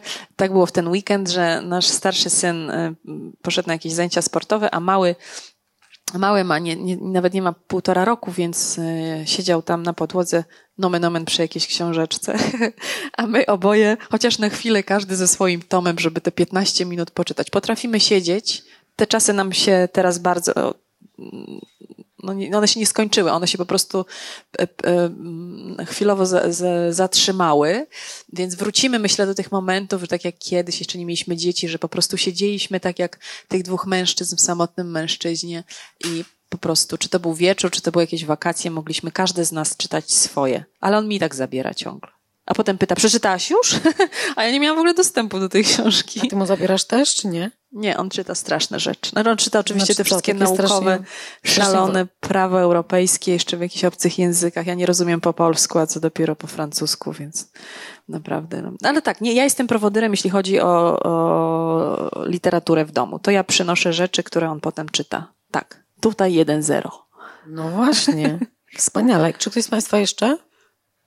Mm, bo ja tymczasem bym dopytała właśnie o tą jakby istotność książek w relacji. Czy jeżeli, jeżeli możesz nam to powiedzieć, czy na czy przykład ważne... faceta, który Dokładnie. czyta tylko kryminały? No nie, czy który w ogóle nie czyta, bo wiesz, jest w tym, w tym kraju taki problem, że Dzisiaj w ogóle jest nieźle, panowie, że jesteście, ale na takim festiwalu jak Big Book to na przykład 75% to kobiety i to jest w ogóle zgodna z tendencjami czytelniczymi w Polsce. Aha. Pytam, znaczy, pytam ciebie też o to jako mamę, dlatego że my doskonale wiemy, że kształtowanie e, postaw czytelniczych polega dokładnie na tym, że mama z tatą czytają i dlatego twoi synowie tak, mają no. ciągotę do, do książek. To nie ma fizyki kwantowej, to tak działa. Oczywiście, to idzie Badania przez to, to potwierdzają, dlatego też cię pytałam o to, czy są książki w domu i jak były w domu kiedyś, bo w tej chwili w ponad połowie polskich domów mieszkań nie ma. E, nie ma książek w mieszkaniach i domach ponad połowy rodzin polskich. Nie ma ich również w e, na przykład scenografii seriali w telewizji publicznej i nie tylko publicznej. Po prostu nie występuje coś takiego. Występują na przykład firmy, które urządzają biblioteki na zamówienie. E, mm, gdzieś się w ogóle zmieniło, zmieniło nam to, czy czytanie jest tym, co uważamy za to, co, nie wiem, mm, przyzwoity, fajny, wartościowy człowiek robi. To jednak z um, horyzontu bardzo wielu ludzi e, zniknęło. E, no więc. Moim czy... zdaniem winni są e, ci państwo, co robią. zwalimy? Daj, no, znajdźmy. co robią wystrój wnętrz. Bo oni wiesz, tu no będzie tak. tapeta, tu. Be... Ja, miałam, ja miałam też taką historię i od tego momentu zaczęła się moja, e, zaczął powstać mój księgozbiór, bo ja miałam kiedyś, e, e, nie, to nie była przyjemność, to w sumie był trud. E, mieć dom pod Warszawą, tak, tak, tak się wtedy moje koleje losu zaczęły i tam był taki właśnie piękny salon i taka jedna pusta ściana, bo tam reszta była zajęta innymi rzeczami. I ja zobaczyłam taką piękną tapetę kiedyś w takim sklepie. I to były maki. Czerwone, obłędne maki. Wysoko tam było, prawie 2,80 była ta się. Ja mówię, dobra, kupię te maki. Kupiłam, nakleiłam, kosztowało to jakąś fortunę. Nakleiłam i tak patrzę na to. Mówię, co, to jest całe życie jak ta calineczka siedziała pod tym makiem? Przecież to kompletnie bez sensu. A książki mam tam w, w takiej bibliotece, pokoju biblioteczce, C, to sobie przyznam, mówię, przecież one powinny być tu. Przecież ja ciągle chodzę, żeby ugotować tę zupę do, po tę kucharską książkę, chodzę tam. Co ja tak chodzić? No więc... I zamówiłam regał, zastawiłam te maki regałem i od tego momentu te puste półki no bo nie wszystko wypełniłam, przecież to był sufit, wielka mm, przestrzeń, zaczęłam zapełniać tym, co jest dla mnie ważne. I, I, to jest właśnie to. Więc jeśli przychodzi pani, która się zna na wnętrzach i mówi, a, a tutaj będą maki, no to ty ufasz, że ona ma rację, nie? I jakoś o tych książkach już nikt nie myśli. Tak, chociaż uważam, że w pewnym sensie jeszcze gorsze, tak, nie wiem, etycznie chyba, są y, osoby, które kompilują ci prywatną bibliotekę wedle tego, co powinno stać na półkach, żeby przyjęcia w salonie dobrze się komponowały i żeby był prawidłowy wizerunek dla, dla Moim gości. zdaniem powinnaś to robić, bo ty to zrobisz z zupełnie Przemy, inną tak, intencją. Przemycilibyśmy szlachetne intencje. No jest to jakiś pomysł na startup biznesowy. Um, ale wracając do tego pytania. Czy y, czy bycie y, oczytanym, czy bycie czytającym człowiekiem dla ciebie jest y, y, pewnym walorem po prostu atrakcyjności, tak? I nie pytam tylko o relacje z twoim mężem, ale o twoich przyjaciół, znajomych, o twoje środowisko pracy, czy to, że ludzie wokół których jesteś czytają i mają ci w związku z tym zaoferowania, po prostu jakoś na co dzień się sprawdza i jest ważne. Moim zdaniem to w moim otoczeniu bardzo szybko, jak się pojawiają nowe osoby, to choćby po języku jestem w stanie e, wychwycić, czy ktoś czyta e, jest jakiś rodzaj mm, takiej kalki językowej, którą stosują ci ludzie, którzy nie czytają. I ona jest dla mojego ucha, 25-letniego ucha dziennikarskiego, łatwo, łatwa do wychwycenia. Ale mam to szczęście, że ci, którzy mnie otaczają, czytają. I to jest chyba jakieś, jakaś wielka zaleta, chociaż pewnie wierzę trochę też w to, że jesteśmy przyciągamy tych ludzi, y, jacy sami jesteśmy, więc może to się z tego bierze. Więc bardzo, bardzo to jest dobre. Wymieniamy się książkami. Na przykład ja z, z moją panią Alicją, y, która, y, która jest moją charakteryzatorką, mi podsuwa książki. My sobie po prostu rozmawiamy o tym, co ona przeczytała, co ja. I to jest wspaniałe, bo to jest dziewczyna, która całe życie poświęciła temu zawodowi, natomiast po prostu czyta i czyta dla mnie czasem zaskakujące rzeczy. Oprócz tych oczywiście tam powieści o miłości, zdarzają się takie, które są e, zupełnie inne. Ona też bardzo dużo seriali ogląda. Ja nie oglądam niczego, bo gdybym jeszcze miała obejrzeć jakiś serial, to bym już żadnej książki nie przeczytała. E, więc ona mi referuje co w serialach, a ja jej tam, jeśli ona da książkę, ja dam książkę, to sobie porozmawiamy, to jej opowiem o książce, żeby ona nie przeczytała, bo musi ten serial obejrzeć, w ten sposób się uzupełniamy. E, ale mężczyzna, który nie czyta, ja nie, ja nie wiem, no, o czym ja miałabym rozmawiać, no, po. Nie wiem. To jest, e, dlaczego zależy mi bardzo na tym, żeby moi chłopcy czytali. I tak jak temu starszemu, dziś już ośmiolatkowi czytałam, te książeczki znam na pamięć, ponieważ ja już zasypiałam. Ja naprawdę już nie dawałam rady i miałam wrażenie, że, że jeszcze czytam, nie? Ale już zasnęłam. Więc on, mamo, nie śpi. I to mnie mobilizowało i czytałam dalej. Czytałam. Więc on dosyć późno zaczął sam czytać, bo jemu tak się podobało to, że ja co wieczór przychodzę i czytam, że mu się po prostu nie chciało. Chłopcy są tacy, że musisz dokręcić śrubę, bo dziewczynki w tym wieku są jakieś takie bardziej zadaniowe. Chłopcy to tam patrzą, żeby tam matka przeczytała i oni mogą odpocząć. Ale teraz czyta. I na przykład czytnik też bardzo lubi, bo widzę, że zawalony Mikołajkiem to znaczy, że to są jego wybory ale mały, który jest naprawdę mały, a tych książeczek już po Heniu zostało trochę i teraz dokupujemy nowe. No to są oczywiście jeszcze obrazkowe, czy tam jakieś takie, jest taka książeczka dźwięków, która mu się bardzo podoba. Więc to, to też mamy.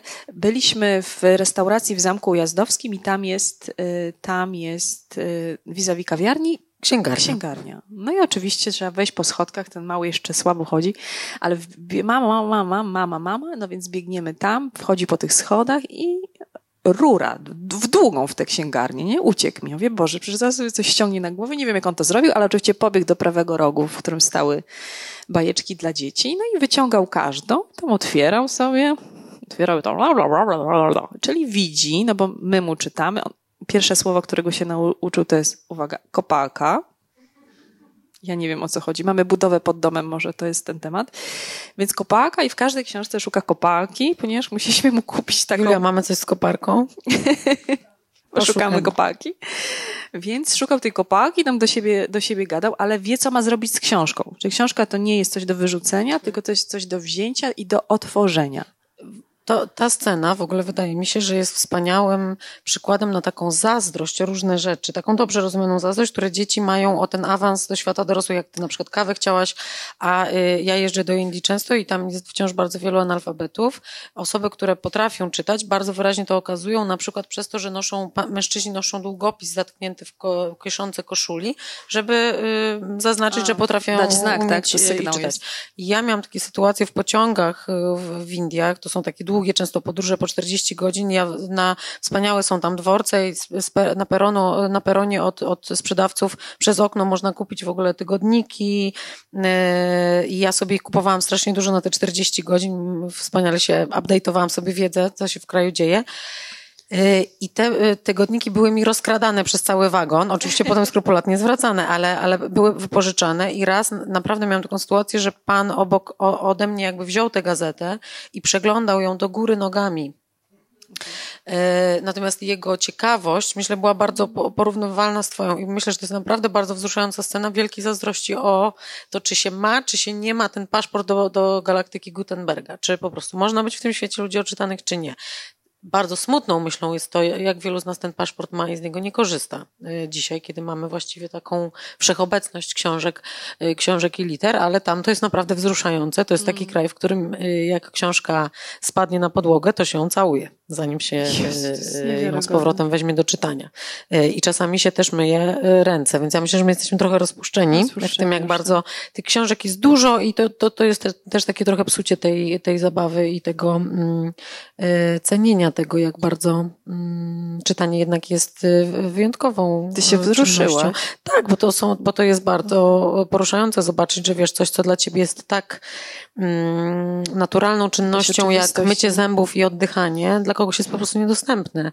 I to jest też taka poruszająca chwila od, otrzeźwienia tego, jak dużo mamy, y, mogąc y, do książek wchodzić, wracając do, do tego, co powiedziałaś, że to jest po prostu właściwie najbardziej demokratyczna, dostępna do wszystkich, y, dla wszystkich jakby taka brama teleportacji do, do, do tych wielu prawda, żyć i, i wymiarów, które, które możemy y, mieć. Czy ktoś z Państwa wpisał pytanie na karteczce nieśmiało albo chciałby śmiało zapytać Magdę o Czy wrócę coś? do Dzień Dobry TVN? Nie. Odpowiadam od razu. Dobrze. Nie wiem, wprawdzie jutro mają jakąś rozmowę, no może tam będzie jakaś awantura, ale trudno. Awantura. A propos, A daliby mi jakiś TVN. program o książkach. Dali być. Ale dali, ale po co oni że mają? wywołałaś tego wilka z lasu, ponieważ ja chciałam ciebie zapytać, żebyś nam jako osoba znająca y, uwarunkowania i priorytety tamtej strony ekranu spróbowała mi odpowiedzieć na pytanie, dlaczego jest tak mało o książkach w telewizji. To znaczy, co w umysłach osób decydujących czyni je tak nieseksownymi, że, że ich tam nie ma. No to właśnie wracając do pytania, czy ludzie, z którymi pracuję, czytają i co słyszę, kiedy używają swojego języka. No więc obawiam się, że tutaj jest e, bardzo proste przełożenie, czyli ludzie, którzy decydują o dzisiejszym świecie mediów, raczej powiem e, delikatnie, nie kolekcjonują książek. I to jest właściwie nasza największa bolączka, bo ja znam te domy. No, no niestety. Kolekcjonują coś innego. I, i właściwie to um, obawiam się, że to dotyczy wszystkich tych wysokich stołków. Jedne są polityczne, inne są e, biznesowe. Mm, nie rozumiem mm, wręcz e, niechęci. Być może u nas jest odwrotnie niż w Indiach. Czyli jeśli nie czytasz, to będziesz za, a, a jesteś e, osobą decydującą, to będziesz, wiesz, jak w tym polskim piekle, ciągnąć z powrotem do kotła kogoś, kto chce wyjść wyżej. Czy jak ktoś czyta, a ty nie czytasz, a ty jesteś silniejszy, to, to utniesz, tak? Nie będzie, nie będziemy rozmawiać o książkach. Ja pamiętam taki absurdalny moment, E, w naszym programie, kiedy, to było naprawdę dowcipne, e, kiedy przychodzili autorzy, rozmawialiśmy o książkach i uwaga, był zakaz pokazywania tych książek. My tak z Mellerem, ej, coś, bo to tam, my mamy Ale zawsze... Że to taki product placement jest? Bo to chodziło o product placement. No i idziemy z tym do naszego szefa. Mówimy, słuchaj, wszystko fajnie, ale może rozmawiamy o książkę. Czy my rozmawiamy, Matko Boska, o piekarnikach? tej firmy, co nas nie sponsoruje? Nie. Rozmawiamy o książkach. I on sam był zdziwiony. I natychmiast oczywiście, wiesz, Zakaz został wycofany. ustawa została wydana, znosząca tam tą ustawę, którą w ogóle ustanowił ktoś nie wiadomo kto. No więc takie absurdy też miały, e, miały miejsce. No i e, były przecież, e, Anka Dziewit-Meller prowadziła bardzo fajny program o książkach dla dzieci w, Dzień Dobry TV. No, nie tylko dla dzieci, sama u niej byłam. No, ona, aha, bo ona tak, miała chyba dwa taki, cykle, tak. tak. Miała dziecięcy, to już pewnie jakie ich dzieci się pojawiły i wcześniej ten swój. No ale, no wiesz, no i musiała zniknąć i z internecie. Ja w ogóle uważam, że internet jest fantastyczną przestrzenią dla myślicieli, dla idei e, jest. i dla nowych pomysłów. Ale jeszcze chciałabym cię zapytać. Także jakbym była prezesem jakiejś telewizji, to uwierz mi, byłoby dużo Coś, o książkach. żeby zostać prezesem, to się nie ma czasu na czytanie, to na tym pewnie polega. Ale dobra, jak prostu... już zostajesz prezesem, to po prostu powinieneś być oczytanym, a jeśli nie tak. oczytanym człowiekiem, to przynajmniej czytającym, bo wtedy możesz coś więcej z siebie dać. No. Myślę, że uderzyłyśmy w wielki, czy to się nagrywa, wielki, czy na dzisiejszą na okazję dzwon... Yy to się tylko nagrywa. To wytniemy to, nie? To się, to się Panie znaczy, Maćku, to puśćmy to jutro, bo ja mam jutro decydujące spotkanie. Uderzyłyśmy w wielki dzwon y, kwestii tego, jutro czy polskie elity czytają dość. Wiemy, że nie, chociaż gdyby ktoś z Państwa znał lub wiedział o istnieniu polskiego polityka, który dużo czyta, chce go mieć na tej kanapie. Y, minister kultury.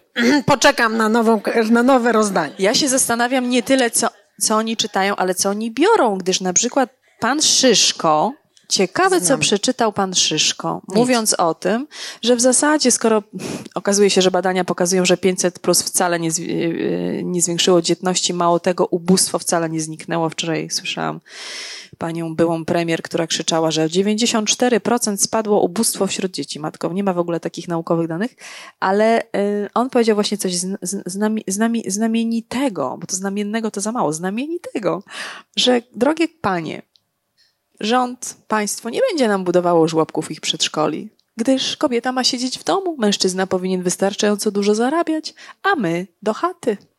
I tyle. Więc e, jeśli będziesz siedziała z trójką dzieci, czwórką, on postuluje trójkę, czwórkę, na dywanie, to uwierz mi, nie będziesz czytać, bo naprawdę nie ma kiedy.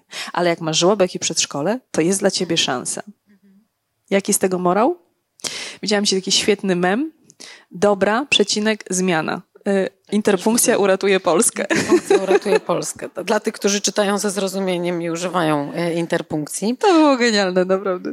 Najlepszy mem dzisiaj. Czy ty myślisz, że my coś możemy? To znaczy, patrzę sobie wśród tych książek, które nam dzisiaj przyniosłaś. Tak, ja w ogóle chciałam jeszcze powiedzieć, proszę tak. Państwa, mam prawie gotowe w internecie, tylko nie mam kiedy wstawić, już jest pół do dziewiątej. To już mi, o, moi followersi idą spać na Instagramie. Postanowiłam o. otworzyć coś takiego o. i nazwałam to, uważaj. Słucham. Yy, no poczekaj, nie pamiętam. Zaraz sobie przypomnę, jestem autorem przecież tego hasła. Raz na jakiś czas będę wstawiać książki, które aktualnie czytam. Alleluja, o to miałam przodu, pytać. Które się będzie nazywało, poczekaj, yy, yy, czytelnicze, o, nie, okienko molka książkowego. Molka. Molka. No właśnie molka. Mołka, molka. Molka, tak. mołka. Za, tak. Czy to jest, dla inteligentnych. Ale czy to jest czytelne? Czytelnicze okienko, molka książkowego. Nie, okienko molka książkowego. Moim zdaniem dla inteligentnych Molka z wielkiej litery. Dobrze. Więc wtedy, no bo, bo w I ty możesz zostać molkiem. Tak, zawsze chciałaś. No, tylko nie wiedziałaś. Wspaniale, że to mówisz, bo właśnie chciałam ciebie pytać o to, dlaczego jeszcze nie zrobiłaś tego, y, korzystając ze swojego wysokiego autorytetu publicznego i sympatii tak zwanych szerokich rzesz społeczeństwa, jak mówi Magda Umer, no to ładne. To. żeby pokazywać im siebie y, z książką, dlatego ja że... robię. Ty nie znasz nie, mojej nie, nie, pyta, pytałam, pyta, pytam o to mm, tak trochę serio też, bo wiemy, że y, robi to Oprah Winfrey, wiemy, że robi to Reese Witherspoon wspaniale. Tak, tak, no te amerykańskie Przyniosłaś, przyniosłaś ikony. książkę Michelle Obamy, która właściwie jest fenomenem pozaliterackim, wręcz pozaksiążkowym, bo nie ma takich autorów, którzy wypełniają stadiony sportowe, a Michelle wypełnia.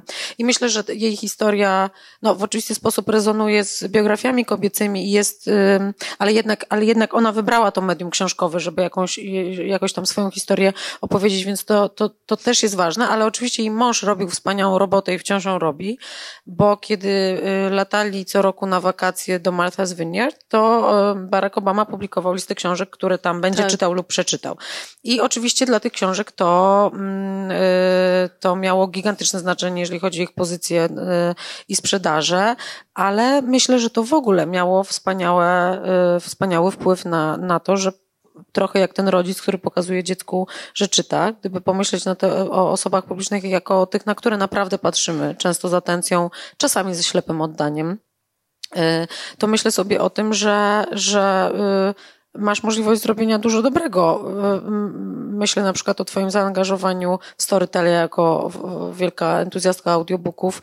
Myślę sobie o tym, że być może słuchanie książek jest y, dla niektórych ludzi jedyną opcją y, do bycia z literaturą, a bardzo też wspaniałą i poruszającą. Więc wracając do Twojego planu, to jak to będzie? Pokazać jak ci? często? Już tak, napisane. chcę zobaczyć. Dobra. Jeszcze, to ja będę tutaj gmerać w telefonie, ale opowiem anegdotę a propos tego, od czego czasem y, czytelniczki, bo to o kobietach mowa, zaczynają swoje spotkanie z literaturą. Jakiś czas temu nagra, nagrałam rozmowę y, z Blanką Lipińską, autorką tych, jak to nazwać?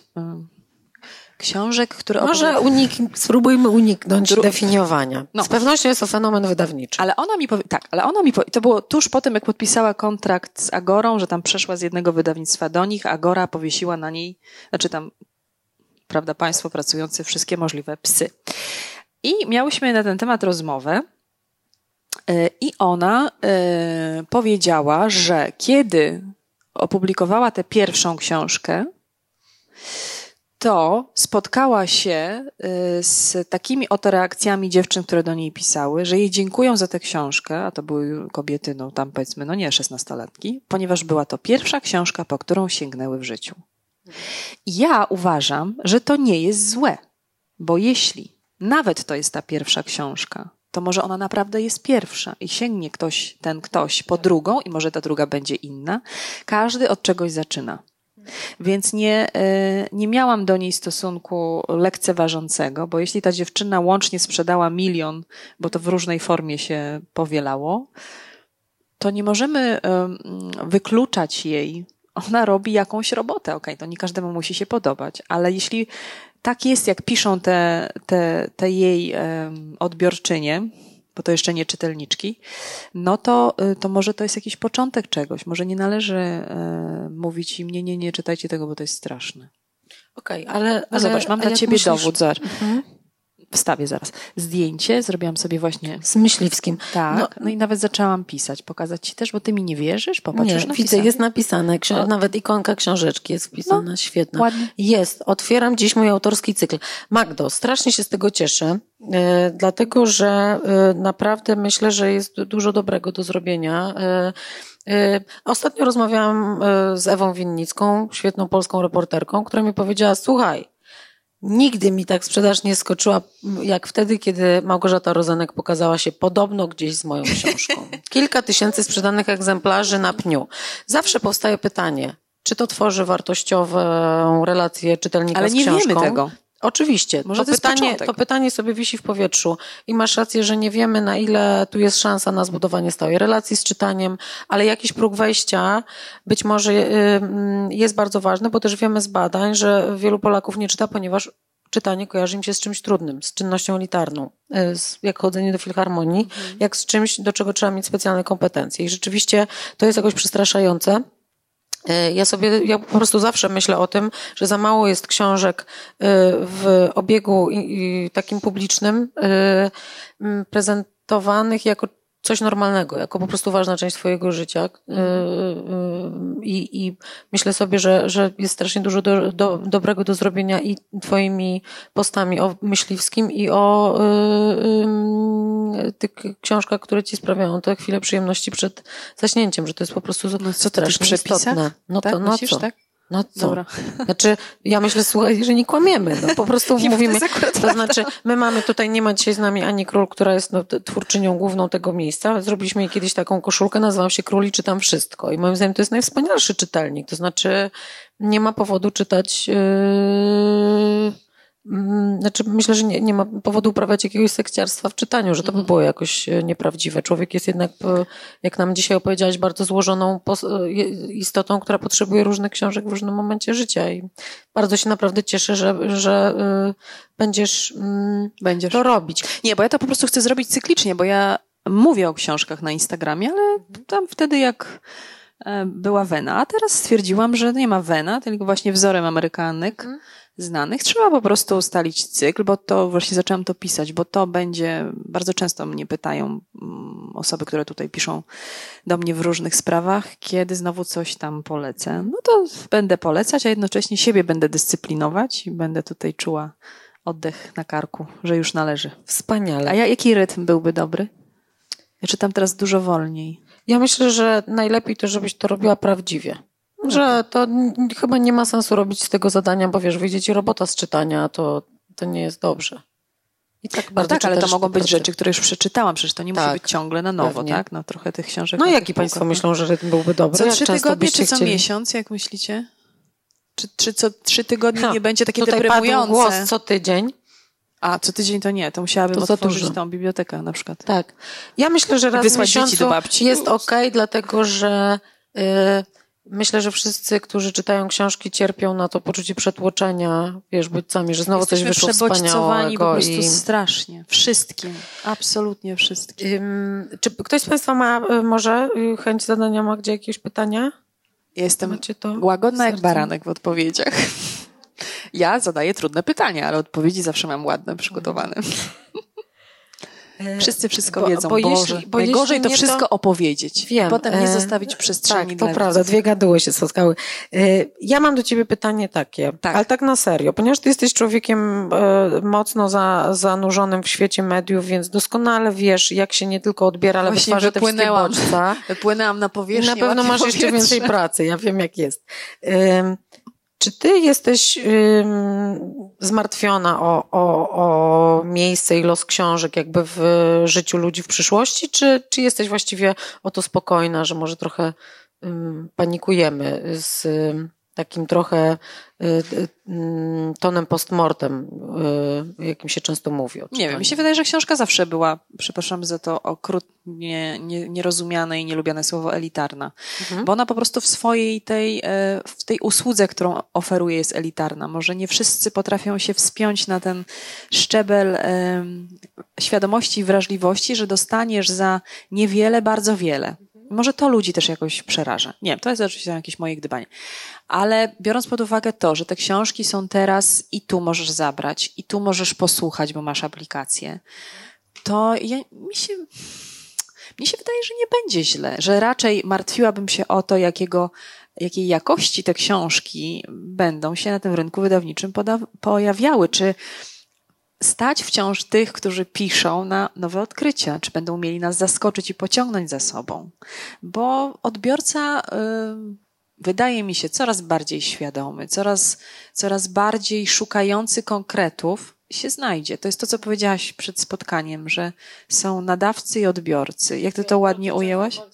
Odbiorcy bardzo, Do bardziej kompetentni niż nadawcy. Czyli, no właśnie, odbiorca czyli bardziej państwo bardziej kompetentni niż, niż nadające dzisiaj. No właśnie, to jest, ale to, to, to, nas, to nas spotyka. No my wiemy, że tak jest, że tak. po drugiej stronie siedzą wymagający, świadomi odbiorcy. Więc to jaki my wyślemy komunikat, albo do nas wróci, bo, bo ktoś powie, hej, co ty mi proponujesz? Myślę, że wciąż jeszcze odbiorcy są w stanie tylko w polityce znieść ten poziom, nie wiem jak to nazwać, no degrengolady. Tylko, Świetne słowo. To chyba jeszcze tylko tam, bo na wielu polach naprawdę odbiorca e, zrobił się świadomy, wymagający i pewny treści, które chce dostać. I już.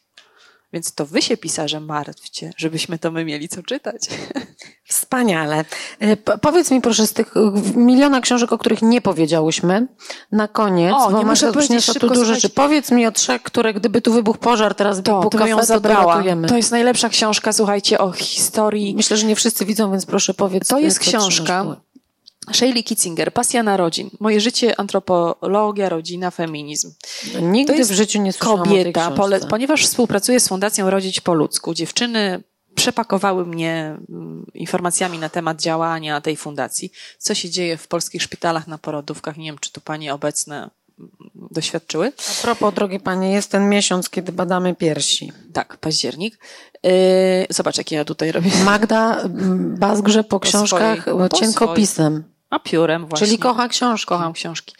E, bo to jest opowieść o tym, jak e, zmedykalizowano poród. Jak bardzo po wojnie do szpitala zaczęto siłową e, wysyłać kobiety i po prostu przejęto według mnie nad szalenie naturalnym procesem medyczną kontrolę, ale to medyczną do bólu. I to się dzieje teraz na polskich porodówkach. W Wielkiej Brytanii, w Stanach jest dokładnie tak samo i ta Brytyjka właśnie opisuje swoją drogę przez mękę i to, jak po swoich pięciu porodach porodach wreszcie zajęła się tym, ona była też naukowcem, zajęła się tym e, tematem i próbą e, przekonywania wszystkich środowisk e, do tego, że naturalny poród jest najbardziej naturalny dla kobiety i wszyscy, którzy tę kobietę w tym dniu, w tym momencie otaczają, powinni zrobić wszystko, żeby to przebiegło pomyślnie. Ta medykalizacja porodów sprowadza się, drodzy Państwo, w tej chwili już do tego, żeby dostarczyć, przepraszam, że tak powiem, optymalny produkt. Czyli dlaczego w Polsce jest tyle cięć cesarskich? Ano dlatego, że lekarzom po prostu łatwiej jest w 45 minut załatwić na sali operacyjnej narodziny,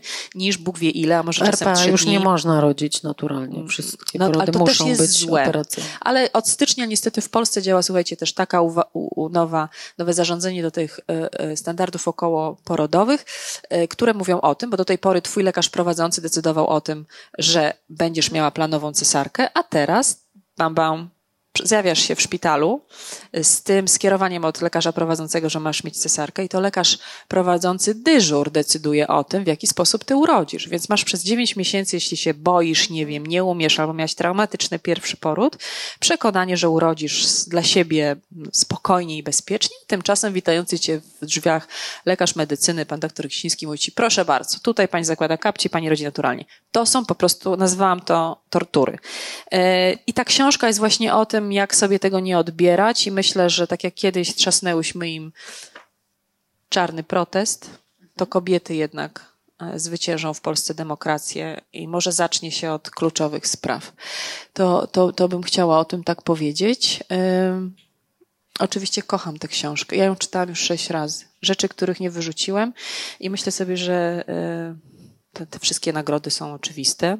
Dlatego mówię, że jeszcze nie ma, nie ma, bo nie czytałam nie ma najnowszej Nikę, ale, ale prostota tego przekazu w tej książce, a jednocześnie taki ból wszystkiego. Ja miałam, ja miałam wrażenie, że mnie boli, jak ją czytałam. To jest książka, przy której płakałam tylko trochę mniej niż przy tej. Spotkałam ostatnio autorkę, Anię, Anię Ciarkowską. Y, to jest taka to jest też nieoczywista w ogóle historia autorki, prawda? Która Ale... zaczęła od poezji, no nie wiem, jest Aha, instagramowej mm -hmm. czy, czy internetowej. To jest taka opowieść o tym, jak intymnie można przedstawić kobiecy los. E, pytałam Anię, ona chyba nawet nie pytała od razu, powiedziała, to nie jest o mnie, bo to jest tak druzgocące, momentami tak przejmujące. I ta książka mnie po prostu boli. Ja, naprawdę, to jest jedna z tych książek, że właśnie otwieram pierwszą stronę, czytam i już wiem, że, że, że ta książka mnie porwie. Jesteś dziewczynką urodzoną na granicy północy, powiedziała mama, która urodziła mnie w środku nocy i nie wiedziała, czy to już, czy jeszcze nie. Nikt tego nie wiedział i nikogo to nie obchodziło. Wpisali dzień, chociaż była noc.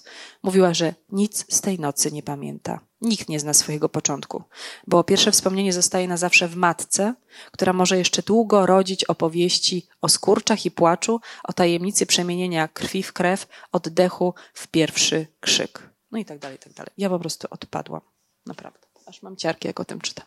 I a propos kobiecości, moja Biblia, biegnąca z wilkami taka podróż przez legendy i przypowieści e, e, południowoamerykańskie opowieść o tym, że prawdziwa wilczyca mieszka w każdej z nas. Jak się sięgnie po tę siłę, to nie ma mocnych.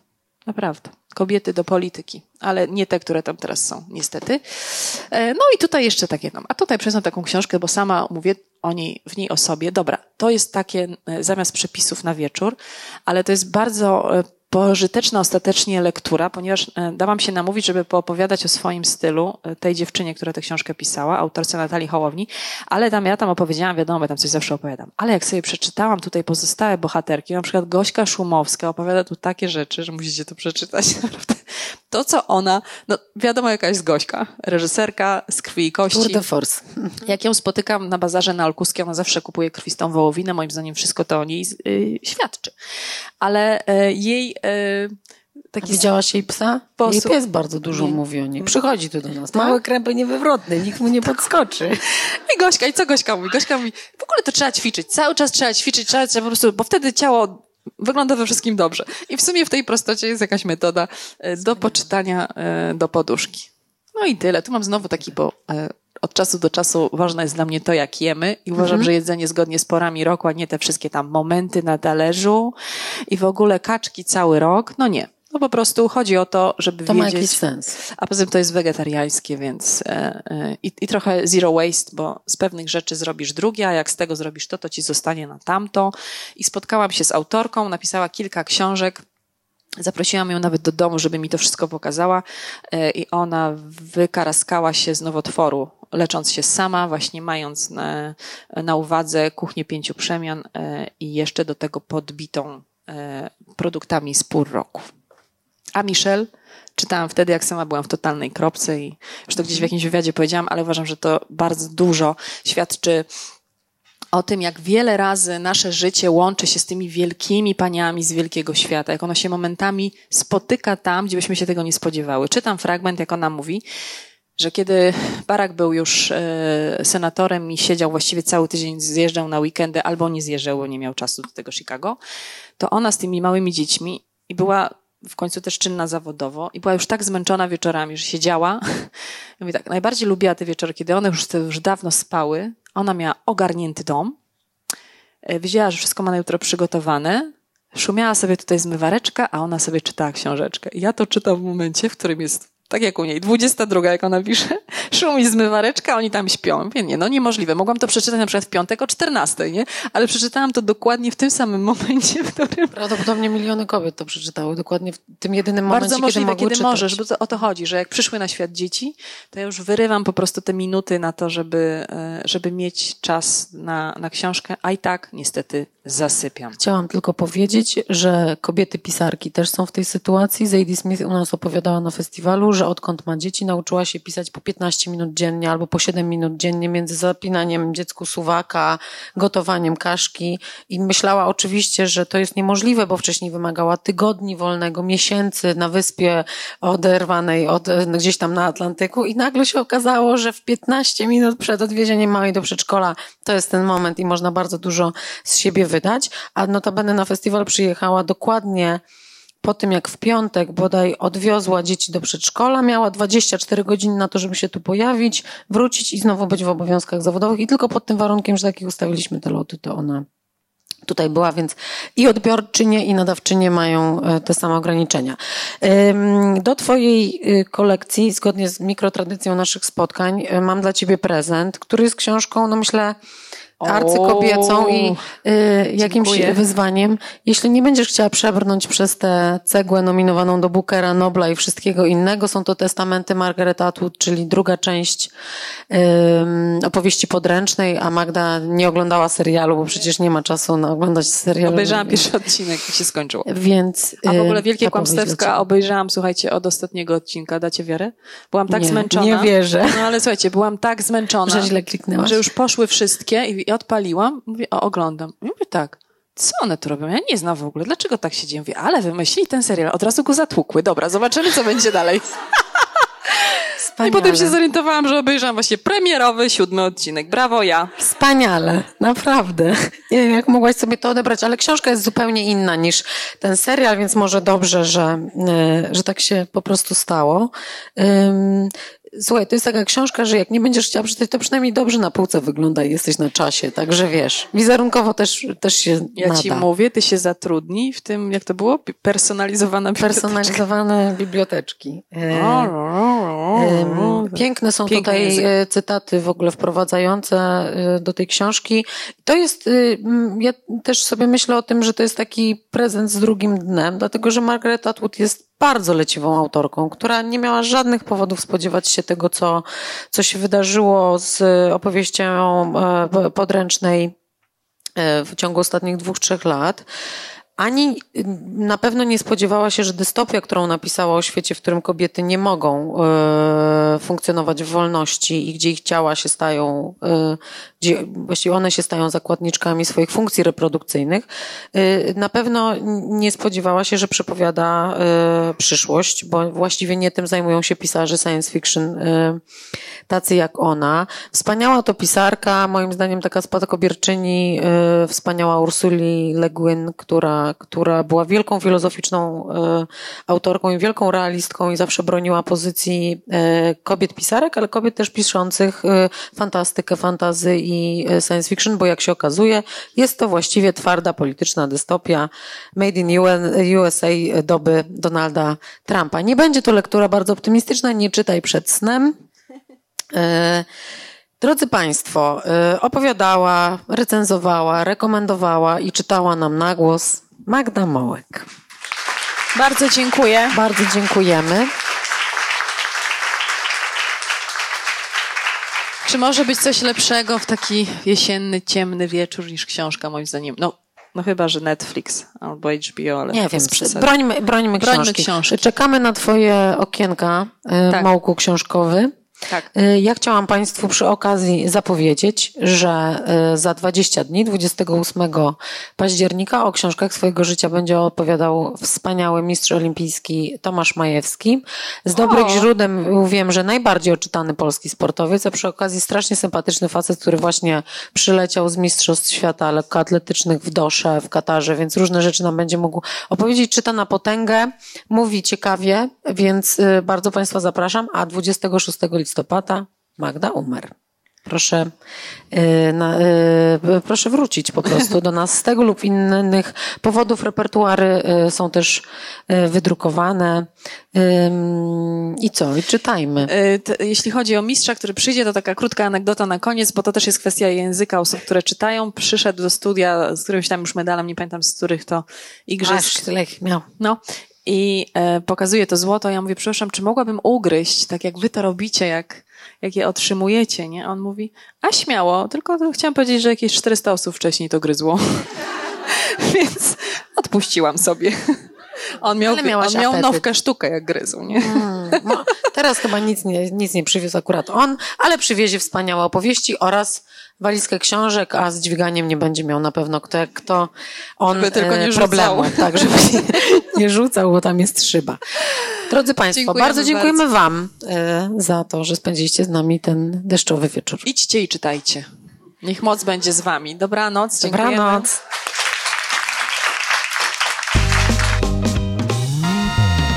Big Book Cafe to centrum innowacji literackich założone przez Fundację Kultura Nieboli. Tworzymy 200 wydarzeń w roku. Prowadzimy wege kawiarnię i księgarnię pełną dobrych książek. Big Book Cafe. Żyjemy czytaniem.